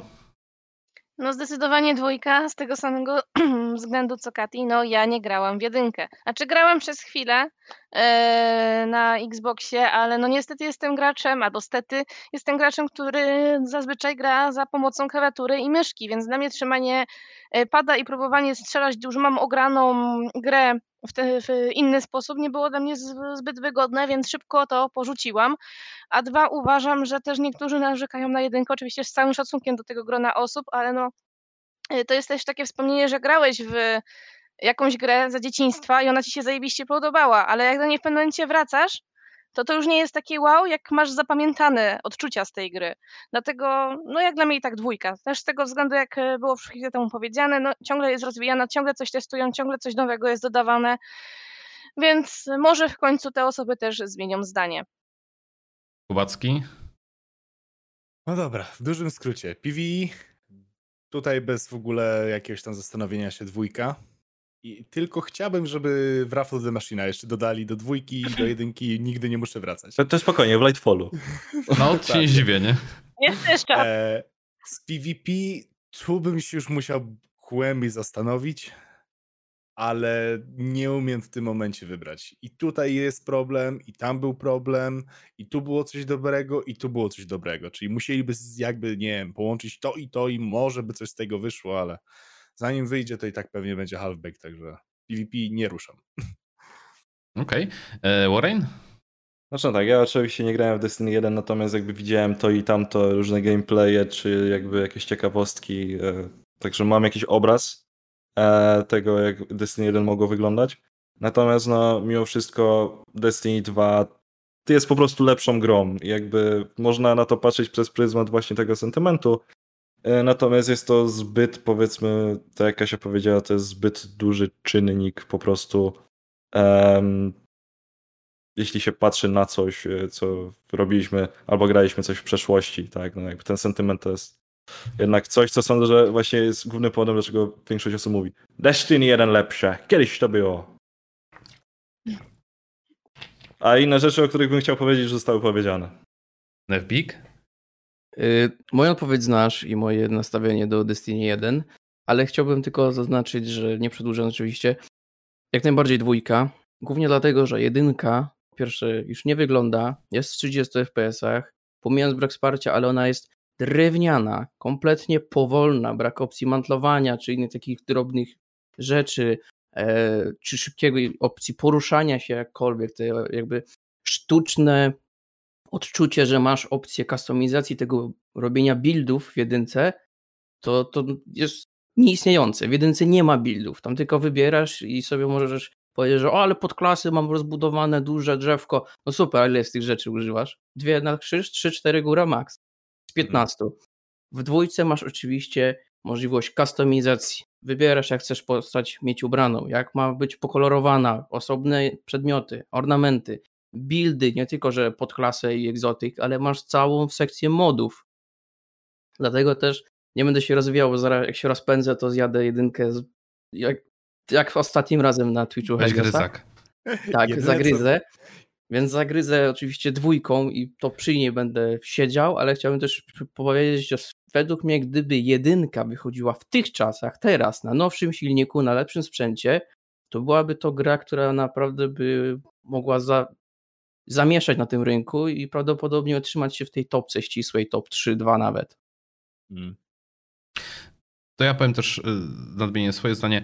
Y, jedynka była bardzo dobrą grą jak na swoje czasy. Wiele wniosła, wiele no do tej pory zresztą czerpiemy z niej, było czerpane do dwójki. Te najlepsze rzeczy były wyciągane. Była bardzo dobrą grą na swoje czasy. Czy jest lepsza? No nie, no bo dwójka już jest lepsza, jest tą wersją 2.0.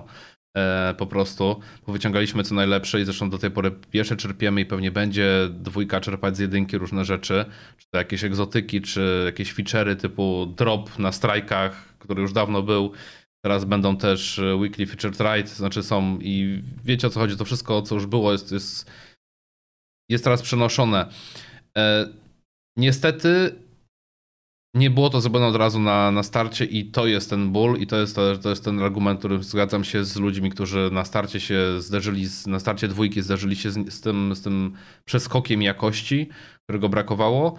E, natomiast teraz przy, po, po Witch Queenie no jest, jest to o niebo lepsza gra i, i jak wróciłem jakiś czas temu do, do dwójki, no to, znaczy do jedynki, przepraszam, no to mówię, no nie, no, no nie, no już teraz nie, nie, da się to, nie da się trochę w to grać. To jest właśnie to, co Kual powiedział, to zderzenie, że troszkę inaczej sobie wyobrażasz tą grę yy, w swojej pamięci, chodzisz, zaczynasz grać, mówisz, no nie, no to już, to już nie jest to i, i jednak wolę, wolę tą dwójeczkę, którą mam tutaj na co dzień i, i ona jest lepsza. Dobrze, moi drodzy, jak możecie, to też dajcie nam w komentarzach znać, co wy sądzicie, która, które Destiny lepsze i, i dlaczego. Nawet tak chociażby napisząc D1, D2, a jak chcecie, to oczywiście rozwincie na YouTubie w komentarzu. Mm, przejdźmy sobie może też do kolejnego tematu, bo ten nam zajął tylko półtorej godziny, także... Jeszcze trochę i na party będziemy wrzucać. No, e, to był najdłuższy podcast. E, dobra, lecimy. Czy Destiny 2 jest zbyt casualowe, moi drodzy? To już chyba nam Obecnie szybciej. tak zaczyna się prezentować to wszystko. Jest bardzo mocno upraszczane, powtarzane, schematyczne, zwłaszcza przy obecnych wydaniach. E, nie jest to zbyt interesujące. Te triumfy to za każdym razem jest na jedno kopyto. Wiele z nich jest e, bezsensownie pociągniętych, tak sztucznie wydłużanych. E, rzeczy typu triumfy na rajdzie, gdzie tam te challenge polegają na zamiast zabić bossa w dwie fazy, zrób to w 10 przykładowo. No nie jest to interesujące, mało ciekawe i casualizacja polega na tym, że większość graczy dostaje albo większość dobrych rzeczy z buta do ręki od razu, albo po chwili jest yy, był błąd, mordo, auto completion Essa. A ty to grindowałeś przez 3 dni, a chłop dostaje na gotowca. Ktoś jeszcze chce coś nadmienić? No właśnie, właśnie te jakby czy Destiny 2 staje się coraz bardziej casualowe? Tak, jak najbardziej staje się, a pytanie, czy to jest zła rzecz, to zależy od, od jakiej strony się na to patrzy, bo oczywiście Bungie by chciało, żeby jak najwięcej osób nowych e, weszło do gry, prawda? Bo więcej osób to jakby no, większe pieniądze, no jakby bądźmy szczerzy. Money, money, e, money. Must be funny.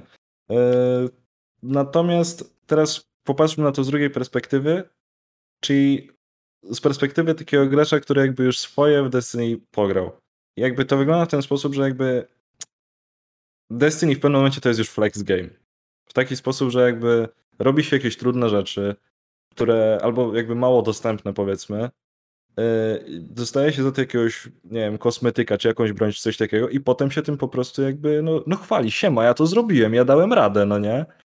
Problem w tym, że w tym momencie już nie ma takich rzeczy. Ostatnio coś takiego to mi się wydaje, jakby było w Shadowkeepie, jak Garden wyszedł. I tutaj mogą mnie wszyscy wyzwać od tego, że ja chcę jakby gatekeepowania e, rzeczy i tak dalej. E, proszę bardzo, jakby ja biorę to na, na to lecimy. Natomiast szczerze, jakby przyjemniej patrzy na day one rajdu w momencie, jak wiem, że to będzie trudne i jakby powiedzmy te, nie wiem, 500 czy 600 osób to skończy i jakby wtedy ja czuję większy prestiż, jeśli w jakiś sposób mi się zda, y, uda to po prostu y, wykonać w te pierwsze 24 godziny. I żeby nie było, ja na przykład y, Gardena nie dałem rady jakby ukończyć 24 godziny pierwsze. E, Nevbik może potwierdzić, by był ze mną w teamie. No niestety. Czyli mieliśmy... przez Nerwika, okej. Okay. Tak, tak, była to moja wina, moja bo, wina. Bo, bo tak, moja babcia e... grała na flecie w tle i przeszkadzało. tak. Wiadomo, do czego nawiązuje, nie będę tak, się tam tak. Z Gosem chyba też była akcja, że coś było z serwerami nie takich. Później Ej, chyba a... to też na dwie godziny. Znaczy, znaczy to na ten... Z serwerami to było na WO. Nie, na, na Wogu, na Wogu mówię. Na, na... Wodzie. Na tym, na y, y, y, Gosie było pod koniec w zasadzie, chyba jakoś no, do tak, naszego tak, czasu, tak. powiedzmy ostatnie, ostatnie 2-3 godziny już były lagi fest, no nie? Natomiast, ja natomiast nadal. Ja pamiętam, prostu... że ktoś tam ode mnie, pamiętam, że skończył Gosa w tym frame, gdzie były dwie godziny i początkowo Bungie miało dać emblematy tym osobom, ale potem się z tego wycofali. Bo community zrobiło nacisk, bo e, mordo, serwery tylko na godzinę nie były dostępne, nie dało się grać w grę. O, o co ci chodzi? Czemu chcesz im dać czas? E, no hmm. i w sumie nasza ekipa, znaczy moja Borena też ucierpieliśmy w tym, ale z drugiej strony jak był wałek i serwery też miały problemy, to nagle dodali drugą dobę do Day One'a. To już godzina im niesmaczna była za głosów czasu. Tak, tak. i to, hmm. to, to, też jakby z tym wałem to też jest jakby osobna, osobna rzecz, bo no w tym momencie już, e, znaczy to, to już było tam swoje na Twitterze, że właśnie ludzie się bardzo wręcz zesrali o to, że właśnie, a no bo, no bo to dodatkowe 24 godziny i w tym momencie tylko szanować osoby, które zrobiły w day one, a nie w konteście, tak? Bo kontest to było 48 godzin. I jakby to jest też taki e, dosyć ciężki temat, bo też jakby pojawia się to całe accessibility, tak? Że no jakby no Uga buga, czemu wy tak gatekeepujecie? Właśnie, niech wszyscy to mają, skoro, skoro są w stanie, no nie? No okej, okay, niech wszyscy to mają, skoro są w stanie, ale ukończyć w pierwsze 24 godziny, a nie jakby kiedy będą chcieli, no nie? Chyba, chyba rozumiecie, o co, o co mi chodzi. Tak, znaczy y, niech tak, niech, niech będzie nawet sobie tam contest mode, czy dłuższy okres, niech będą pewne zasady, niech emblematy coś znaczą, o tak bym powiedział. Mhm. Bo ja mam troszeczkę wrażenie, że te w dzisiejszych czasach emblematy oznaczają tyle samo, co te medale, co ci wyskakują na ekranie, jak grasz PvP. Zabiłeś, o triple kill, double kill i nie zwracasz na to uwagi nawet, co teraz zdobyłeś, bo po prostu cały czas coś tam wyskakuje i chyba lepiej byłoby mieć jakiś tam element, który można się czymś poszczycić, nie? No ja to, uważam, to, to, że właśnie, że jeżeli chodzi właśnie, właśnie też chciałam poruszyć temat emblematów, że emblematy rajdowe powinny mieć przede wszystkim wymóg tak jak masz na Last Wishu, że masz ukończonego flawlessa. I dopiero mając flawlessa, no to to jest jeden z wielu, ale to wtedy coś znaczy, że faktycznie coś zrobiłeś, osiągnąłeś, że wykazałeś się czymś jeszcze na tym rajdzie, nie? To, to chyba bardziej mi się wydaje chodziło o tytuły, a no właśnie, dobra, przepraszam, o tytuły, właśnie, o tytuły. Tak, właśnie, właśnie to też jest kolejna rzecz. E, to już w zasadzie było przy Deepstone Krypcie. E, początkowo jak ten raid wyszedł, to było tak samo jak na Gosie, tak samo jak na Lastwishu. E, był potrzebny flawless, tylko że w takim, w takim sensie był potrzebny flawless na rajdzie zrobiony, że za flawlessa trzeba było E, znaczy za Flawlessa dostawało się shader, a ten shader był w kolekcji, która była znowu potrzebna do e, skończenia tytułu, tak? Jakby nagle w pewnym momencie shader za Flawlessa zniknął z kolekcji i nagle nie trzeba było zrobić Flawlessa do tego rajdu. Także, także tutaj też, to, to naprawdę jest pierdoła, ale jakby patrząc y, z perspektywy takiej osoby, która jakby gra w tę grę i jakby no, jest takim, można by powiedzieć, wręcz oddanym graczem, to to jest naprawdę taki troszeczkę strzał w ryj. Ja, ja się tak czasem czuję, no nie, że jakby to, to nad czym ja się starałem, no nie, to Bungie nagle jednak rozdaje za darmo jakby, no, no mówię, no ja, się czuję, ja się czuję po prostu z obolałym ryjem, bo czuję jakbym dostał plaskacza. Dosłownie. Mm. Może, okej, okay, może troszeczkę jakby za, za, bardzo na to, za bardzo emocjonalnie na to reaguję. Natomiast jest to po prostu coś bardzo denerwującego. Tak samo zresztą Master Ride'y, do których mi się wydaje, że w tym momencie e, dosyć płynnie przejdziemy. E, tak. Master Ride'y i w ogóle Master wszystko, co ma dopisek taki, e, w teorii powinno być tym tym takim contentem, który właśnie jest przeznaczony dla tych bardziej... Endgame'owo, endgame'owy. Tak, tak bardziej, bardziej endgame'owych graczy. No ogólnie jakby Master równa się endgame, no nie? Tylko mhm. szkoda, że wszystko, co ma w sobie Master, to ma tylko i wyłącznie podniesiony light, ma tylko i wyłącznie y, dodany match game, czyli mod, y, modyfikator, który powoduje, że jakby jeśli się nie zbija e, danej tarczy e, pasującym żywiołem, to po prostu zajmuje to znacznie więcej czasu. E, jakby dodanie wpisu czempionów, no nie? Jakby, jakby się ma, to, to jest master, idziemy grać w CS-a, no nie? Zrobiliśmy mastera, siemanko. No, no, no, no, no sorry, no, sorry no, no ja tego nie widzę. Biorąc jeszcze pod uwagę, w sensie okej, okay, jakby ma to sens, no nie? Poniekąd tylko i wyłącznie, że jest rzeczywiście trudniejsza wersja jakiegoś rajdu czy jakiejś aktywności y, i jest gicior, no nie? Jest to coś powiedzmy, że dla endgame'owych graczy. No spoko, a co jest z tego Mastera? Do, dokładnie, Z, zupełnie, nic. zupełnie nic. całkowite gówno, bo nawet tak sobie dużo? pomyślicie, nawet sobie pomyślicie, okej, okay, adopt bronie, okej, okay, można kraftować bronie i kraftowalne bronie są lepsze od adoptowych i co teraz, no nie? Czy problem Mastera jest taki, jeżeli chodzi o z perspektywy ludzi, którzy grają mniej. Czyli wchodzi level, czyli musimy bić artefakt, napierdzielamy exp, exp, exp, exp, exp, żeby zagrać ten content.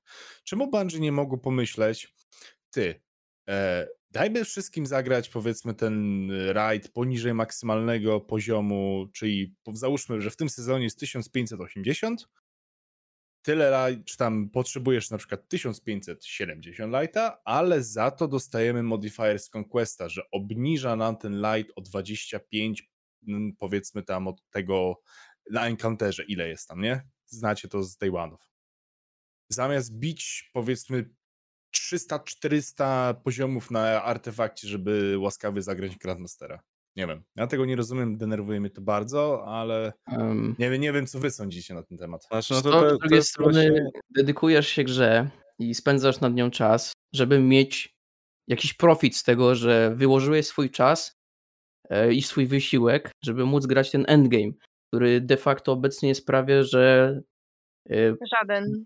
Żaden, żaden tak hmm. naprawdę. Hmm. Nic z tego nie mamy. Oprócz GMów, gdzie możemy farmić no te bronie w tym sezonie z GMów, też beznadzieja poza tym GMy we wtorek, e, no to te GM-owe bronie no to do pupy są w obecnym sezonie, a jedyne co możesz chcieć z GM-ów to są materiały. Jeżeli już nie masz e, max stacku na każdej postaci plus pełen postmaster, to jest chyba trudne według mnie, żeby tego nie mieć. No ale dobra. E, mastery mają problem taki, że od początku jak weszły, to one wrzuciły złe tempo, kompletnie złe tempo, nie są tak, jak powinni być zrobione. I teraz świeżak, słuchaj, jeżeli master polega na tym, żeby go zrobić z tymi modyfikatorami, i nie musisz te, robić challenge'u, żeby je ukończyć, to już jest coś nie tak. Poza tym dodawanie masy czempionów to nie jest yy, robienie, żeby było ciekawie i trudno, to jest irytująco trudno, bo nie jest to ciekawe, nowe. Robisz to samo, tylko jest więcej czempionów, które, uwaga, też są zbugowane, jak w przypadku KF-a na masterze. To jest chodząca tragedia i plaga obecnych masterów, które nie wnoszą nic nowego. Lewiatan Prestige, to taki pseudomaster, on wprowadzał losową rotację i robiłeś to sposobem challenge'owym. Był twist mechaniczny, przed na kalusie. Zbija ktoś psiona, losowa osoba jest wyniesiona do, na zbijanie czaszek, a losowa z powrotem wciągnięta do tron roomu. I to było już ciekawsze. Niby ten sam raid, ale już jest coś nowego. Nie było przypadkiem tym... jeszcze rotacji broni, że ustawione daty? Tak, były modyfikatory, były prizmy, tak, że masz konkretny loadout. Tego też nie ma.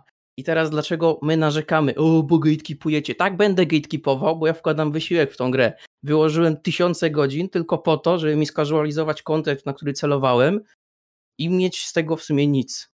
Mastery robisz tylko, żeby ukończyć, mieć triumf i nie więcej ich nie ruszasz, bo nie ma po hmm. co. Ja A Day One w tym momencie robisz tylko i wyłącznie dlatego, żeby mieć dobry placement na raid reporcie. Tak, bo e... emblem w sumie jest handout kompletny. No tu się zgadzam, czyli tak w sumie podsumowując, nagrody, czyli Kiedyś pamiętam, jak nawet właśnie to, co mówiliśmy w Destiny 1, e, o tym, że tam było na samym starcie 29 światła, a później 30, bo ktoś zrobił te rajdy, czy ten bardzo endgame'owy content. Jak się widziało tą osobę na wieży, która miała 30 światła, a nie 29, to mówisz, o ja, to jest bóg gry, nie? E, tak samo jeżeli mówiliśmy o trialsach, widziałeś kogoś w samym, całym secie z trialsów, mówisz, to jest gość, który świetnie gra w PvP. A tutaj, czym się możecie wyróżnić? No właśnie. Nie?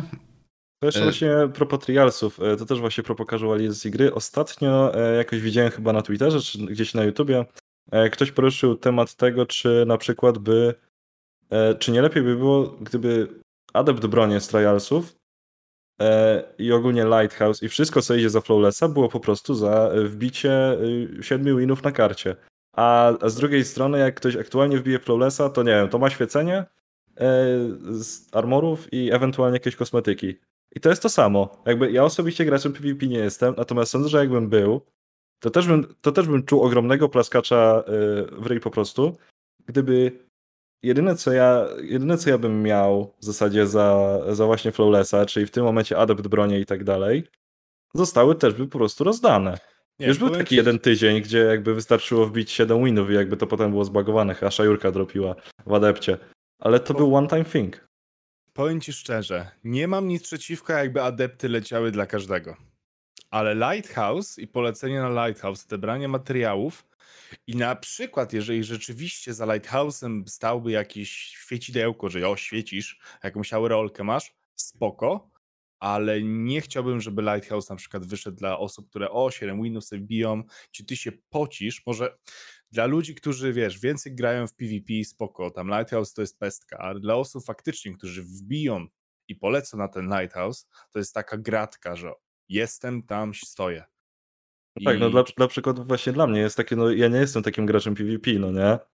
E, jak, jakoś ogromnie i ja mimo wszystko za każdym razem cieszę się, jak wejdzie ten siódmy win pod rząd, no nie?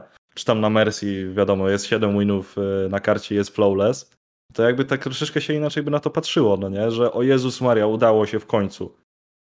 A też, a też ta konwersacja odnośnie tych e, adeptów, to nie wydaje ci się, że to właśnie, e, gdyby, gdyby zaczęły być rozdawane wszystkim, w cudzysłowie oczywiście, to nie sądzisz, że to też by tak straciło troszeczkę z może nie tyle prestiżu, ale jakby właśnie No z tego, z tego z te, No, tej no, wartości, z tego doświadczenia, że właśnie e, Na 100%. dałeś radę pójść flawless. No tak. Oczywiście, na, na 100%, ale po prostu patrząc z mojej perspektywy, ja nie mówię, że tak ma być, bądź tak musi być, tylko że a te adepty nie są tak wpływające, powiedzmy, jak wolałbym się wyróżniać, bo świecę na złoto. O. To, Też to, bar, to, to, to większy taki, tak jakbyś ty zrobił rajda na masterze, powiedzmy, ukończył z challenge'ami i nagle lecisz na towera i ty się świecisz na niebiesko, nie? To wiem, że to ty skończyłeś tego mastera. Bo jak patrzę, adepta masz, no, no masz adeptowego moda, no, no i co? No super. Pięć więcej range'a. I, No to, ale to też jakby sam fakt, że go masz, no nie? To jakby nie to, No. że jakby czymś się różni.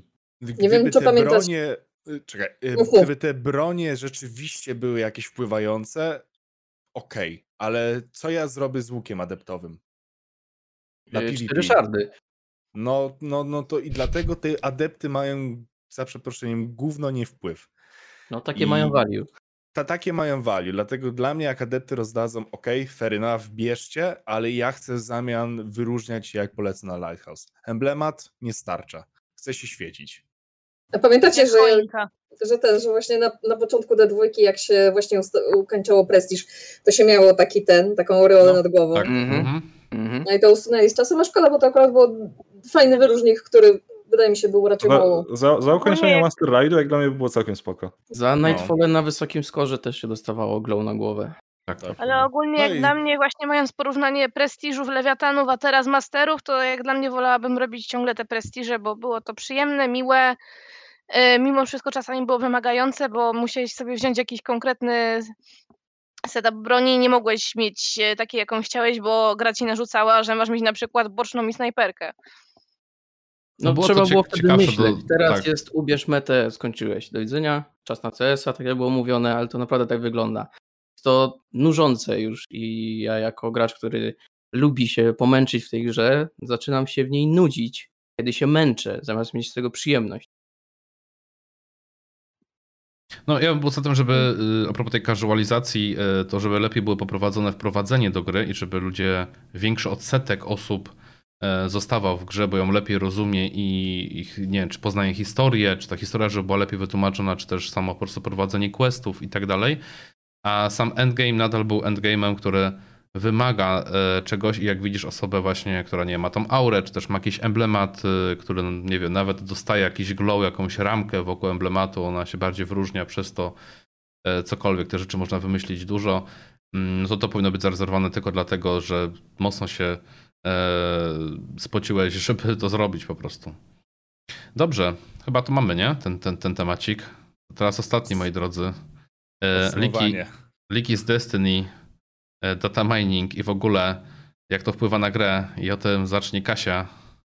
No w tym, e, w tym, w tym sezonie e, informacji, w tym sezonie informacyjnym, czyli w zeszłym tygodniu, wyciekły informacje, znaczy koncept arty dotyczące jednego z rajdów, które ma się pojawić w Lightfallu i to jest, tak się mówi o tym, że to jest pierwszy Pierwszy lik y, odnośnie najnowszego dodatku, chociaż nie jest to w 100% prawda, ponieważ jak miała być prezentacja, to, to tam chwilę wcześniej już krążyły y, jakieś screeny, które sugerowały kolor nowej podklasy. No i wiele osób postawiło to w stan baczności i nawoływanie się na przykład na Twitterze, żeby nie rozpowszechniać lików, ponieważ nie chcemy psuć zabawy innym graczom. No i jest to chwilę po tym, jak mieliśmy bardzo głośny wyciek e, z serwerów e, w związku z GTA 6 nadchodzącą grą.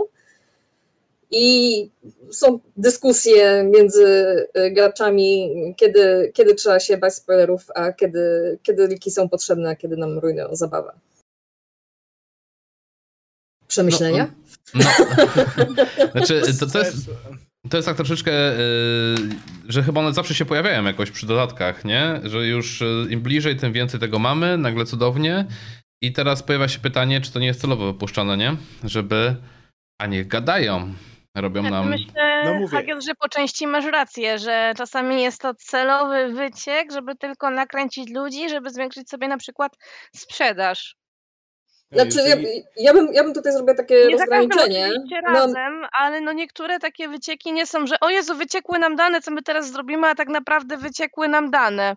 Hmm. Znaczy, ja bym powiedziała tak, że trzeba sobie tam rozgraniczyć, bo po pierwsze Bungie jako firma ma y, różne cykle jakby prawne i produkcyjne, ponieważ jak zaczynali wypuszczać Destiny jako grę, no to byli pod Activision, więc była to firma, przed którą odpowiadali prawnie. W przypadku przecieku danych y, konsekwencje mogą być ciężkie. Potem będzie się usamodzielniło, więc jakby odpowiada tylko i wyłącznie przed akcjonariuszami, a nie przed jakąś większą firmą, która może. No a teraz są znowu jakby pod y, skrzydłami Sony, nie? No i y, jak na przykład mam wrażenie, ale to jest oczywiście tylko moje wrażenie, że ten słynny Pastebin leak, który był przed Witch Queen, a który tam wnosił informacje dotyczące samej Witch Queen i kolejnych jeszcze tam dodatków aż do Final Shape'a, to ma, ma według mnie znamiona czegoś, co, co, co jest faktycznie y, kontrolowaną informacją i że w momencie, kiedy on wyciekł, to już to część tych informacji, która tam była zamieszczona, dalej była nie, nietrafna, ale dalej miało to taką wartość jakby próbkowania tego, jak zareaguje community, bo ten leak wtedy, który wyszedł, on był w takim momencie faktycznie ciszy mm, marketingowej, jeśli chodzi mhm. o informacje dotyczące samej gry, Mhm. E, a jak e, on się pojawił, to po prostu cały, całe community się rozpaliło do czerwoności, jak e, ten, jak było to dyskutowane. Natomiast, no. Y, tak jeszcze na szybko, jestem osobą, która szuka lików i lubię liki. Jeżeli są, ja je znajdę. jak to się chce, no to nie ukryję. To powiem ty, a spójrz tam, może tam znajdziesz. Nie podam ci do ręki tego. I chodzi o to, że Albo wystarczy być mną i jestem po prostu notatnikiem Nevbika. jeżeli, jeżeli jesteś, jeżeli szukasz lików, napisz do Nevbika. Tak, nie podam, oczywiście. E, ale do czego zmierzam? Te liki często są informacją od środka. Widać, że to była prezentacja w zamkniętym gronie. Widać, że to było coś, co nie powinno wyjść na światło dzienne, bo są tam koncepty, przemyślenia, zadania, cele, coś, co normalnie się nie puszcza nawet jako pseudo-leak, żeby nakręcić yy, hype, cokolwiek. tego się nie puszcza. A często mieliśmy takie rzeczy i w sumie do niedawna pamiętam na 30-lecie Bungie jak było, no to tam też był potężny leak z Inside Info, gdzie nawet było zdjęcie Luka Smitha, jak omawia y, koncept arty, jak co ma wyglądać. To też był potężny leak, który wyszedł. I to było od jednego z poirytowanych podobno pracowników, który pewnie już tam nie, nie pracuje i pewnie na ulicy mieszka, bo jak się dorwą do niego pracownicy, znaczy tego, no. prawnicy Bungie, no to nie zostawią na tobie nic. Ale pewne liki, ja ogólnie lubię liki, lubię wiedzieć zawczasu, lubię spodziewać się czegoś, co dopiero przyjdzie, ale z drugiej strony, gdyby ich nie było, to też bym się ucieszył, bo lubię ten efekt wow, nowe. Nic nie wiedziałem. Też jest bardzo przyjemny. Dlatego dla mnie, jak są i chcę je widzieć, to je będę widział. Jak hmm. nie chcę i są, to je omijam. Znaczy, fajne są liki takie, które nakręcają ciebie, ale nie pokazują ci wszystkiego. O. No, Prawda. tak. W jakiś sposób tam stymulują po prostu dyskusję i znaczy, nie, nie spoilerują za dużo, nie? Pamiętacie jakiś taki lik, który faktycznie zepsuł yy, jakby doświadczenie w grze? Ja mam, jeden, ja mam jedną myśl, ale to nawet nie był do końca właśnie lik. Znaczy przed, y, przed Witch Queenem strasznie było, y, było dużo tych lików, nie? które znaczy, tam wychodziły, co będzie. Spo... Tak. Znaczy teraz jest ogólnie leak odnośnie Lightfalla, jak się trochę wdrąży. Niby jest już story opisane. No. Jedni popatrzą to z jednej strony fajnie, bo może się spodobać, a drudzy mogą pomyśleć, kurde, spodziewałem się troszeczkę czegoś innego. Znaczy też trzeba pamiętajcie, że trzeba jakby, jakby brać te liki z szczyptą soli mimo wszystko w graniu Salt. E, no bo jak dobrze kojarzę, to przed Witch Queen, to już, to już nawet w okolicach premiery Beyond Lighta już były tam liki odnośnie Witch Queen, wiadomo. I przez jakby ten cały rok Beyond Lighta, aż do Witch Queen, to pomijając e, te zapowiedzi Bungie i tak dalej, które już rzeczywiście pokazywały, jak fabuła będzie wyglądała, to w tych likach co najmniej jakieś trzy albo cztery zarysy fabuły widziałem, także jakby wiadomo, nie ma za bardzo tutaj e, brać wszystkiego na 100%, no nie? Hmm. Coś jeszcze chcecie dodać? znaczy, ja bym powiedziała tak, no bo y, tutaj mieliśmy ten przykład tego właśnie tego y, GTA 6, gdzie to, to, ten wyciek danych jest poważny, bo przecież nie zdradza tylko elementów z gry, ale zdradza technologię które y, są kryte przecież przez, tym, przez prawo patentowe i przez, są interpretowane jako własność intelektualna. Ale są gry, które na przykład są, tak jak World of Warcraft, które są kompletnie transparentne i na przykład wszystkie informacje z alfy odnośnie tego, jak wyglądają nowe modele, jak wyglądają nowe mapy, jak wyglądają nowe przestrzenie, nowe huby dla tych dla graczy w tym momencie, to wszystko jest jakby klarowne i, i otwarte i nawet y, zarys fabuły, o ile można mówić jeszcze o tym, że WoW ma fabułę w tej chwili, ale nawet y, takie elementy w tym momencie są y, jawne przed premierą gry i community to bardzo dobrze znosi. Buduje to ten hype i ten, ten element uczestnictwa w, w grze i w nadchodzącym dodatku, nie? Więc tutaj ja bym powiedziała, że kwestią Destiny jest to, że najważniejsze, że w Destiny jest ten taki bardzo ważny ten element suspensu, zaskoczenia i zagadki, który gdzie faktycznie spoiler może nieco popsuć tą, tą, tą zabawę. No ja, ja tutaj jestem trochę z profilu takim jak Nevbik, czyli interesują mnie te rzeczy, bo interesuje mnie też proces dochodzenia jakby do, do, do tego produktu końcowego, który dostajemy, a nie tylko jakby sam produkt końcowy i to, jak się go doświadcza. Ale znaczy, ja powiem, że spoko jakieś liki, które stymulują wyobraźnię i tak dalej, co, co, co będzie. Natomiast chyba nie chciałbym do końca e, wszystkiego dostać przed, no bo ten hype, e, przed taką finalną prezentacją, tą, którą robi gdzieś tam na Bungie, nie? Bo jak za dużo dostaniesz, to później oglądasz tą prezentację i jest takie eee, no w sumie to wiedziałem. No. Hmm. Co, było? A to było... A nic specjalnego, kurwa, jeszcze do ludzi. Nie ma efektu wow. Ty grasz w ten content, widziałeś go pół roku wcześniej na likach, masz takie no, no. No, Mówię, to. Spoko, nie? liki muszą cię nakręcić, ale one nie mogą pokazać, o w tym momencie będzie to, a później będzie to, a jak pójdziesz tam, to będzie to i jak skończysz, to będzie to.